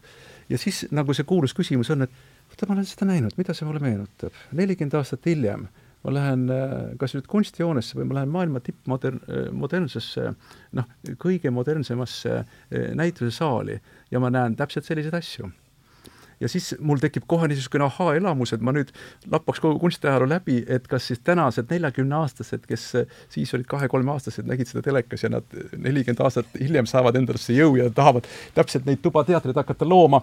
ja siis ma muidugi takerdun, sest kunst on nii võimas asi, et, et neid kaldenurke on väga erinevaid ja, ja jumal puudutab ikkagi väga noh, erinevaid kunstnikke väga erineval moel. Ja mille järgi siis tullakse uuesti välja, aga noh, mõtteaineks ta on kui rääkida nüüd äh, endast, siis äh, tähendab, ma ise olen selline äh, usklik kunstnik, kes kisub sinnakanti, et pigem ole lapsem kui targem. et jumalat mahub rohkem su sisse siis ja, ja koge seda hiljem, mis, millega sa siis hakkama said või, või hoolitse selle eest, et, et sa rajalt kõrvale ei astu, aga ära väga, ära püüa nimetada seda rada ennast et, et see annab nagu ka Jumalale eh, parema ja laiema eh, tegevusvabaduse läbi sinu. Et, et ma olen seda nagu tihtipeale endast näinud, ma nimetan seda ka lihtsalt, et me olevikus oleme ikkagi suhteliselt piiratud, me ei saa, me ei, me ei, me ei tõuse sajaprotsendilise täisteadvusega hommikul üles. Ja, ja kõik meis noh, liigub ja areneb ja, ja töötavad, kõik lambikesed eh, plingivad. Et aga, aga mida me teha saame, me saame teha nii-öelda ausalt oma asja ja, ja puhastada selle ära sellest, mis ei ole seal nii aus. et ja, ja, ja siis küllap siis antakse ka nagu sinna nüansse juurde, et ma, ma tahan öelda seda, et ma ei ole see kunstnik, kes see võib olla rumalusest, see võib olla teadmatusest, aga ma ei ole suutnud nagu, et ma pean endale selle trepi otsas seal selle koha nüüd, et sinna ma hakkan minema. et, et et äh, ja õpilastega samamoodi, ma äh, vahel vaatan meie kaasaegseid äh, õppejõudusid, ütleme kas või akadeemia pinnal või mõni muu kool, et, et võetakse mm, tudengid, kahekümne, kahekümne ühe, kaheaastased ja, ja väga varakult öeldakse, et kas sa Modistit tead? ei tea okei okay,, aga sa meenutad natuke Modistit, kas sa ja ütleme seal sa, saksa ekspressionismist keegi seda nime, seda nime, aga kui noor inimene nagu puutub kokku, ma ise teen ka seda viga, hindamiste ajal me nagu püüame särada, et me, oo ma tunnen seda ära ja seda ära. aga see väga palju nagu noort inimest ei aita. et tegelikult eh, ahah, mõtleb see noor inimene, et äh, selle tee otsas on see tuntud kunstnik, selle noh, nagu sõidaks sealsamas Raekoja platsi peal ja see Kullasepa tänav viib selle Otto Dixini ja see viib selleni ja see viib selleni, see oot-oot, kuhu ma siis lähen, ma võtan parem akadeemilise, eks ole, ja siis vaatan, võib-olla kool saab vahepeal küpsemaks on ju, et, äh, et siis võiks nagu äh, üks, üks mu õpilane, kes sellest on nüüd saanud minu niisugune väga nagu lähedal olev niisugune abiline, äh, kellega meil on palju kunstialased vestlused, tema nagu sõnastas nii minu asjad, kui mina sain nagu, minu ütlemised ja mina sain temalt nagu tagasi. ja, ja see sõnastus oleks selline, et, et õpetama peaksime seda koolis, noh, võtame ainult kunsti näitel, see, mis kiiruste tõustes ei viska meilt maha mm..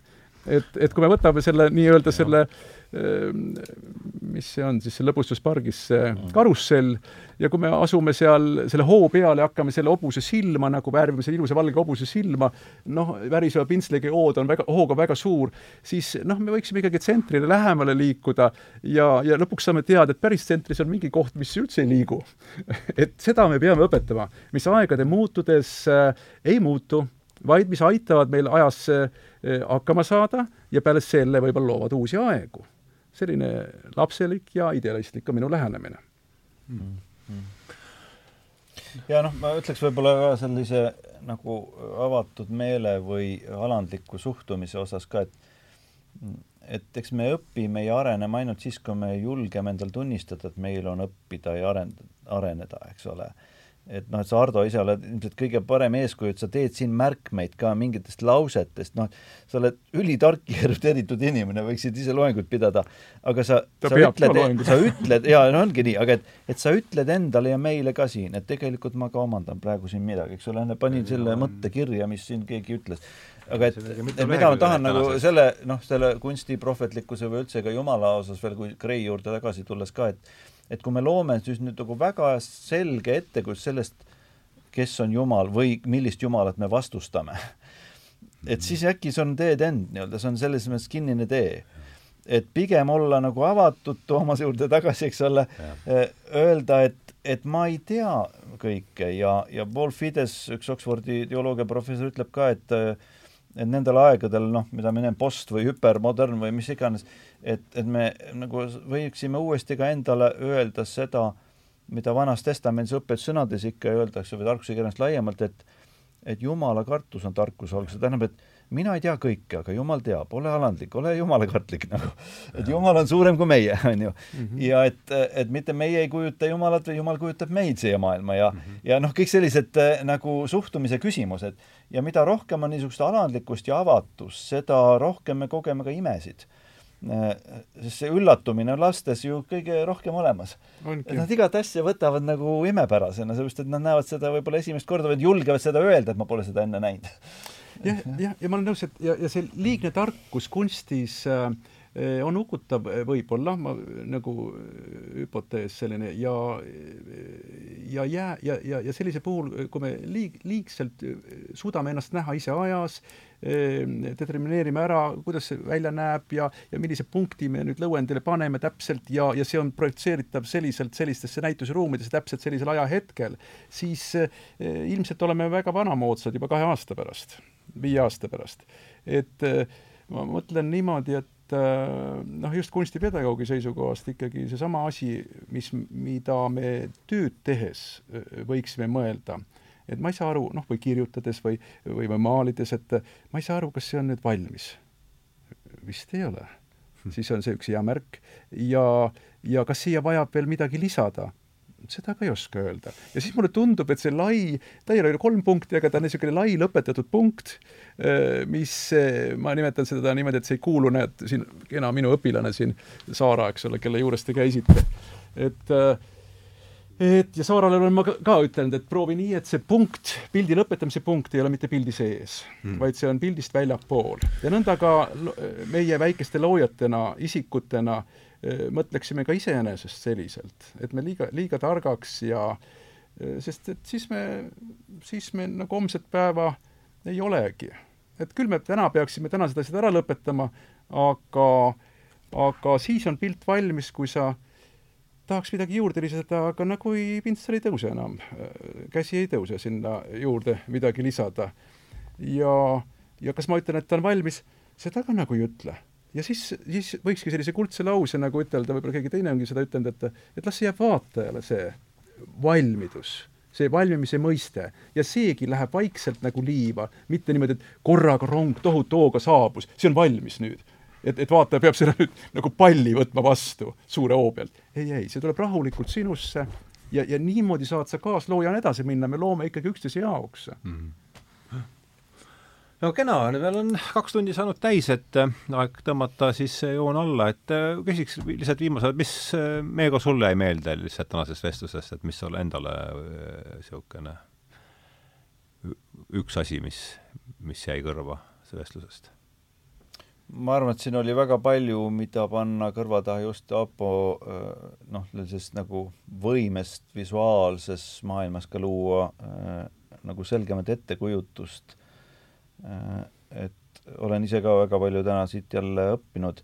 mulle tegelikult meeldis, Ardo, ka see Gray toodud tsitaat ikkagi, et et selle ja ümber midagi, võib ehitada on, terve suure, suure, eks ole, ma ei tea, arutelu või loengukursuse või midagi niisugust, aga et et äkki me elame ikkagi nagu ajastul, kus me uuesti küsime ka seda, et kas ateism on või selline noh, väga selge doktrinaarselt paika pandud, ma ei tea, läbi vaieldud jumala noh, ei kõla nüüd ilusti, aga purki pandud jumal nii-öelda, et, et ma tean, milline see jumal on, oman seda oma pihus. et me elame ajastul, kus, kus me küsime uusi küsimusi. Eestis ei levi mitte ateism, väheneb ateism, levib agnostitsism. et ma usun midagi, aga ma ei tea, mida ma täpselt usun ja me kõneleme uues kontekstis ja. tegelikult nendest asjadest ja ma arvan, kunstikeel on kindlasti üks keel, mis näitab, et on midagi suuremat või nagu üks teoloog on öelnud kunsti kohta ka, et ta räägib mingist viimsest reaalsusest. viimne reaalsus selle maailma taga mm, -hmm. mida me tegelikult kõik vajame ja otsime. mõtlen nii, niimoodi, et äh, lõpetuseks veel, et, et Caravaggio on elav, tema, ka täna, tema maalid on meile kättesaadavad ka täna ja mõtte, mõtteainena ka. aga ma, ma kummastusega märkan noh, enda pealt ja küllap ka minuvanuselised kunstnikud ja vanemadki ja nooremadki on, on seda märganud, et ühel hetkel mingi osa elust me, me vaatame alt üles olnud kunstiteoseid. ja, ja, ja ühel hetkel me oleme samal kõrgusel et et ja, ja kui sa ikkagi väga tahad, ma ütlen enda kohta praegu, et aru saada, miks see teos sündis, see uskmatu Toomas või us-, uskumatu Toomase teos Caravaggiol, milline see ajastu selle ümber oli, milline ja, ja maal seisab tänaseni muuseumi seinal Sanssouci lossis Potsdamis, et me ka ei tohiks pidama jääda, me ütleme, ajaloos toimunud maalide tasandile või tasemele või seinani. et, et siit on võimalik edasi liikuda. see on nagu üks, üks, üks, üks justkui nagu möödunud, ma olen teda mõistnud, see on üks möödunud kokkulepe, aga ma kujutan ette, et palju noh, seda on võimalik veel peenendada, seda teemat, aga, aga see on igaühe noh, isikliku tunnetuse küsimus, et, et me ei peaks tagant, tagasiulatuvalt jumalikustama, isegi kui need on tehtud maalid Jeesusest, vaid selle läbi liikuma edasi või sinna kõrvale asetama uusi pilte, mis võiks samamoodi seda teemat lahti võtta, isegi kui me ka kunstnikud ei ole. Hmm no kena, mina tõmbasin jooned alla, mis ma siis, vaatame, kus mul on, et äh, postmodernism on sama kaua valitsenud kui barokk. panin, jäi mulle kõrva siit, olen tõmmanud hüüumärgid.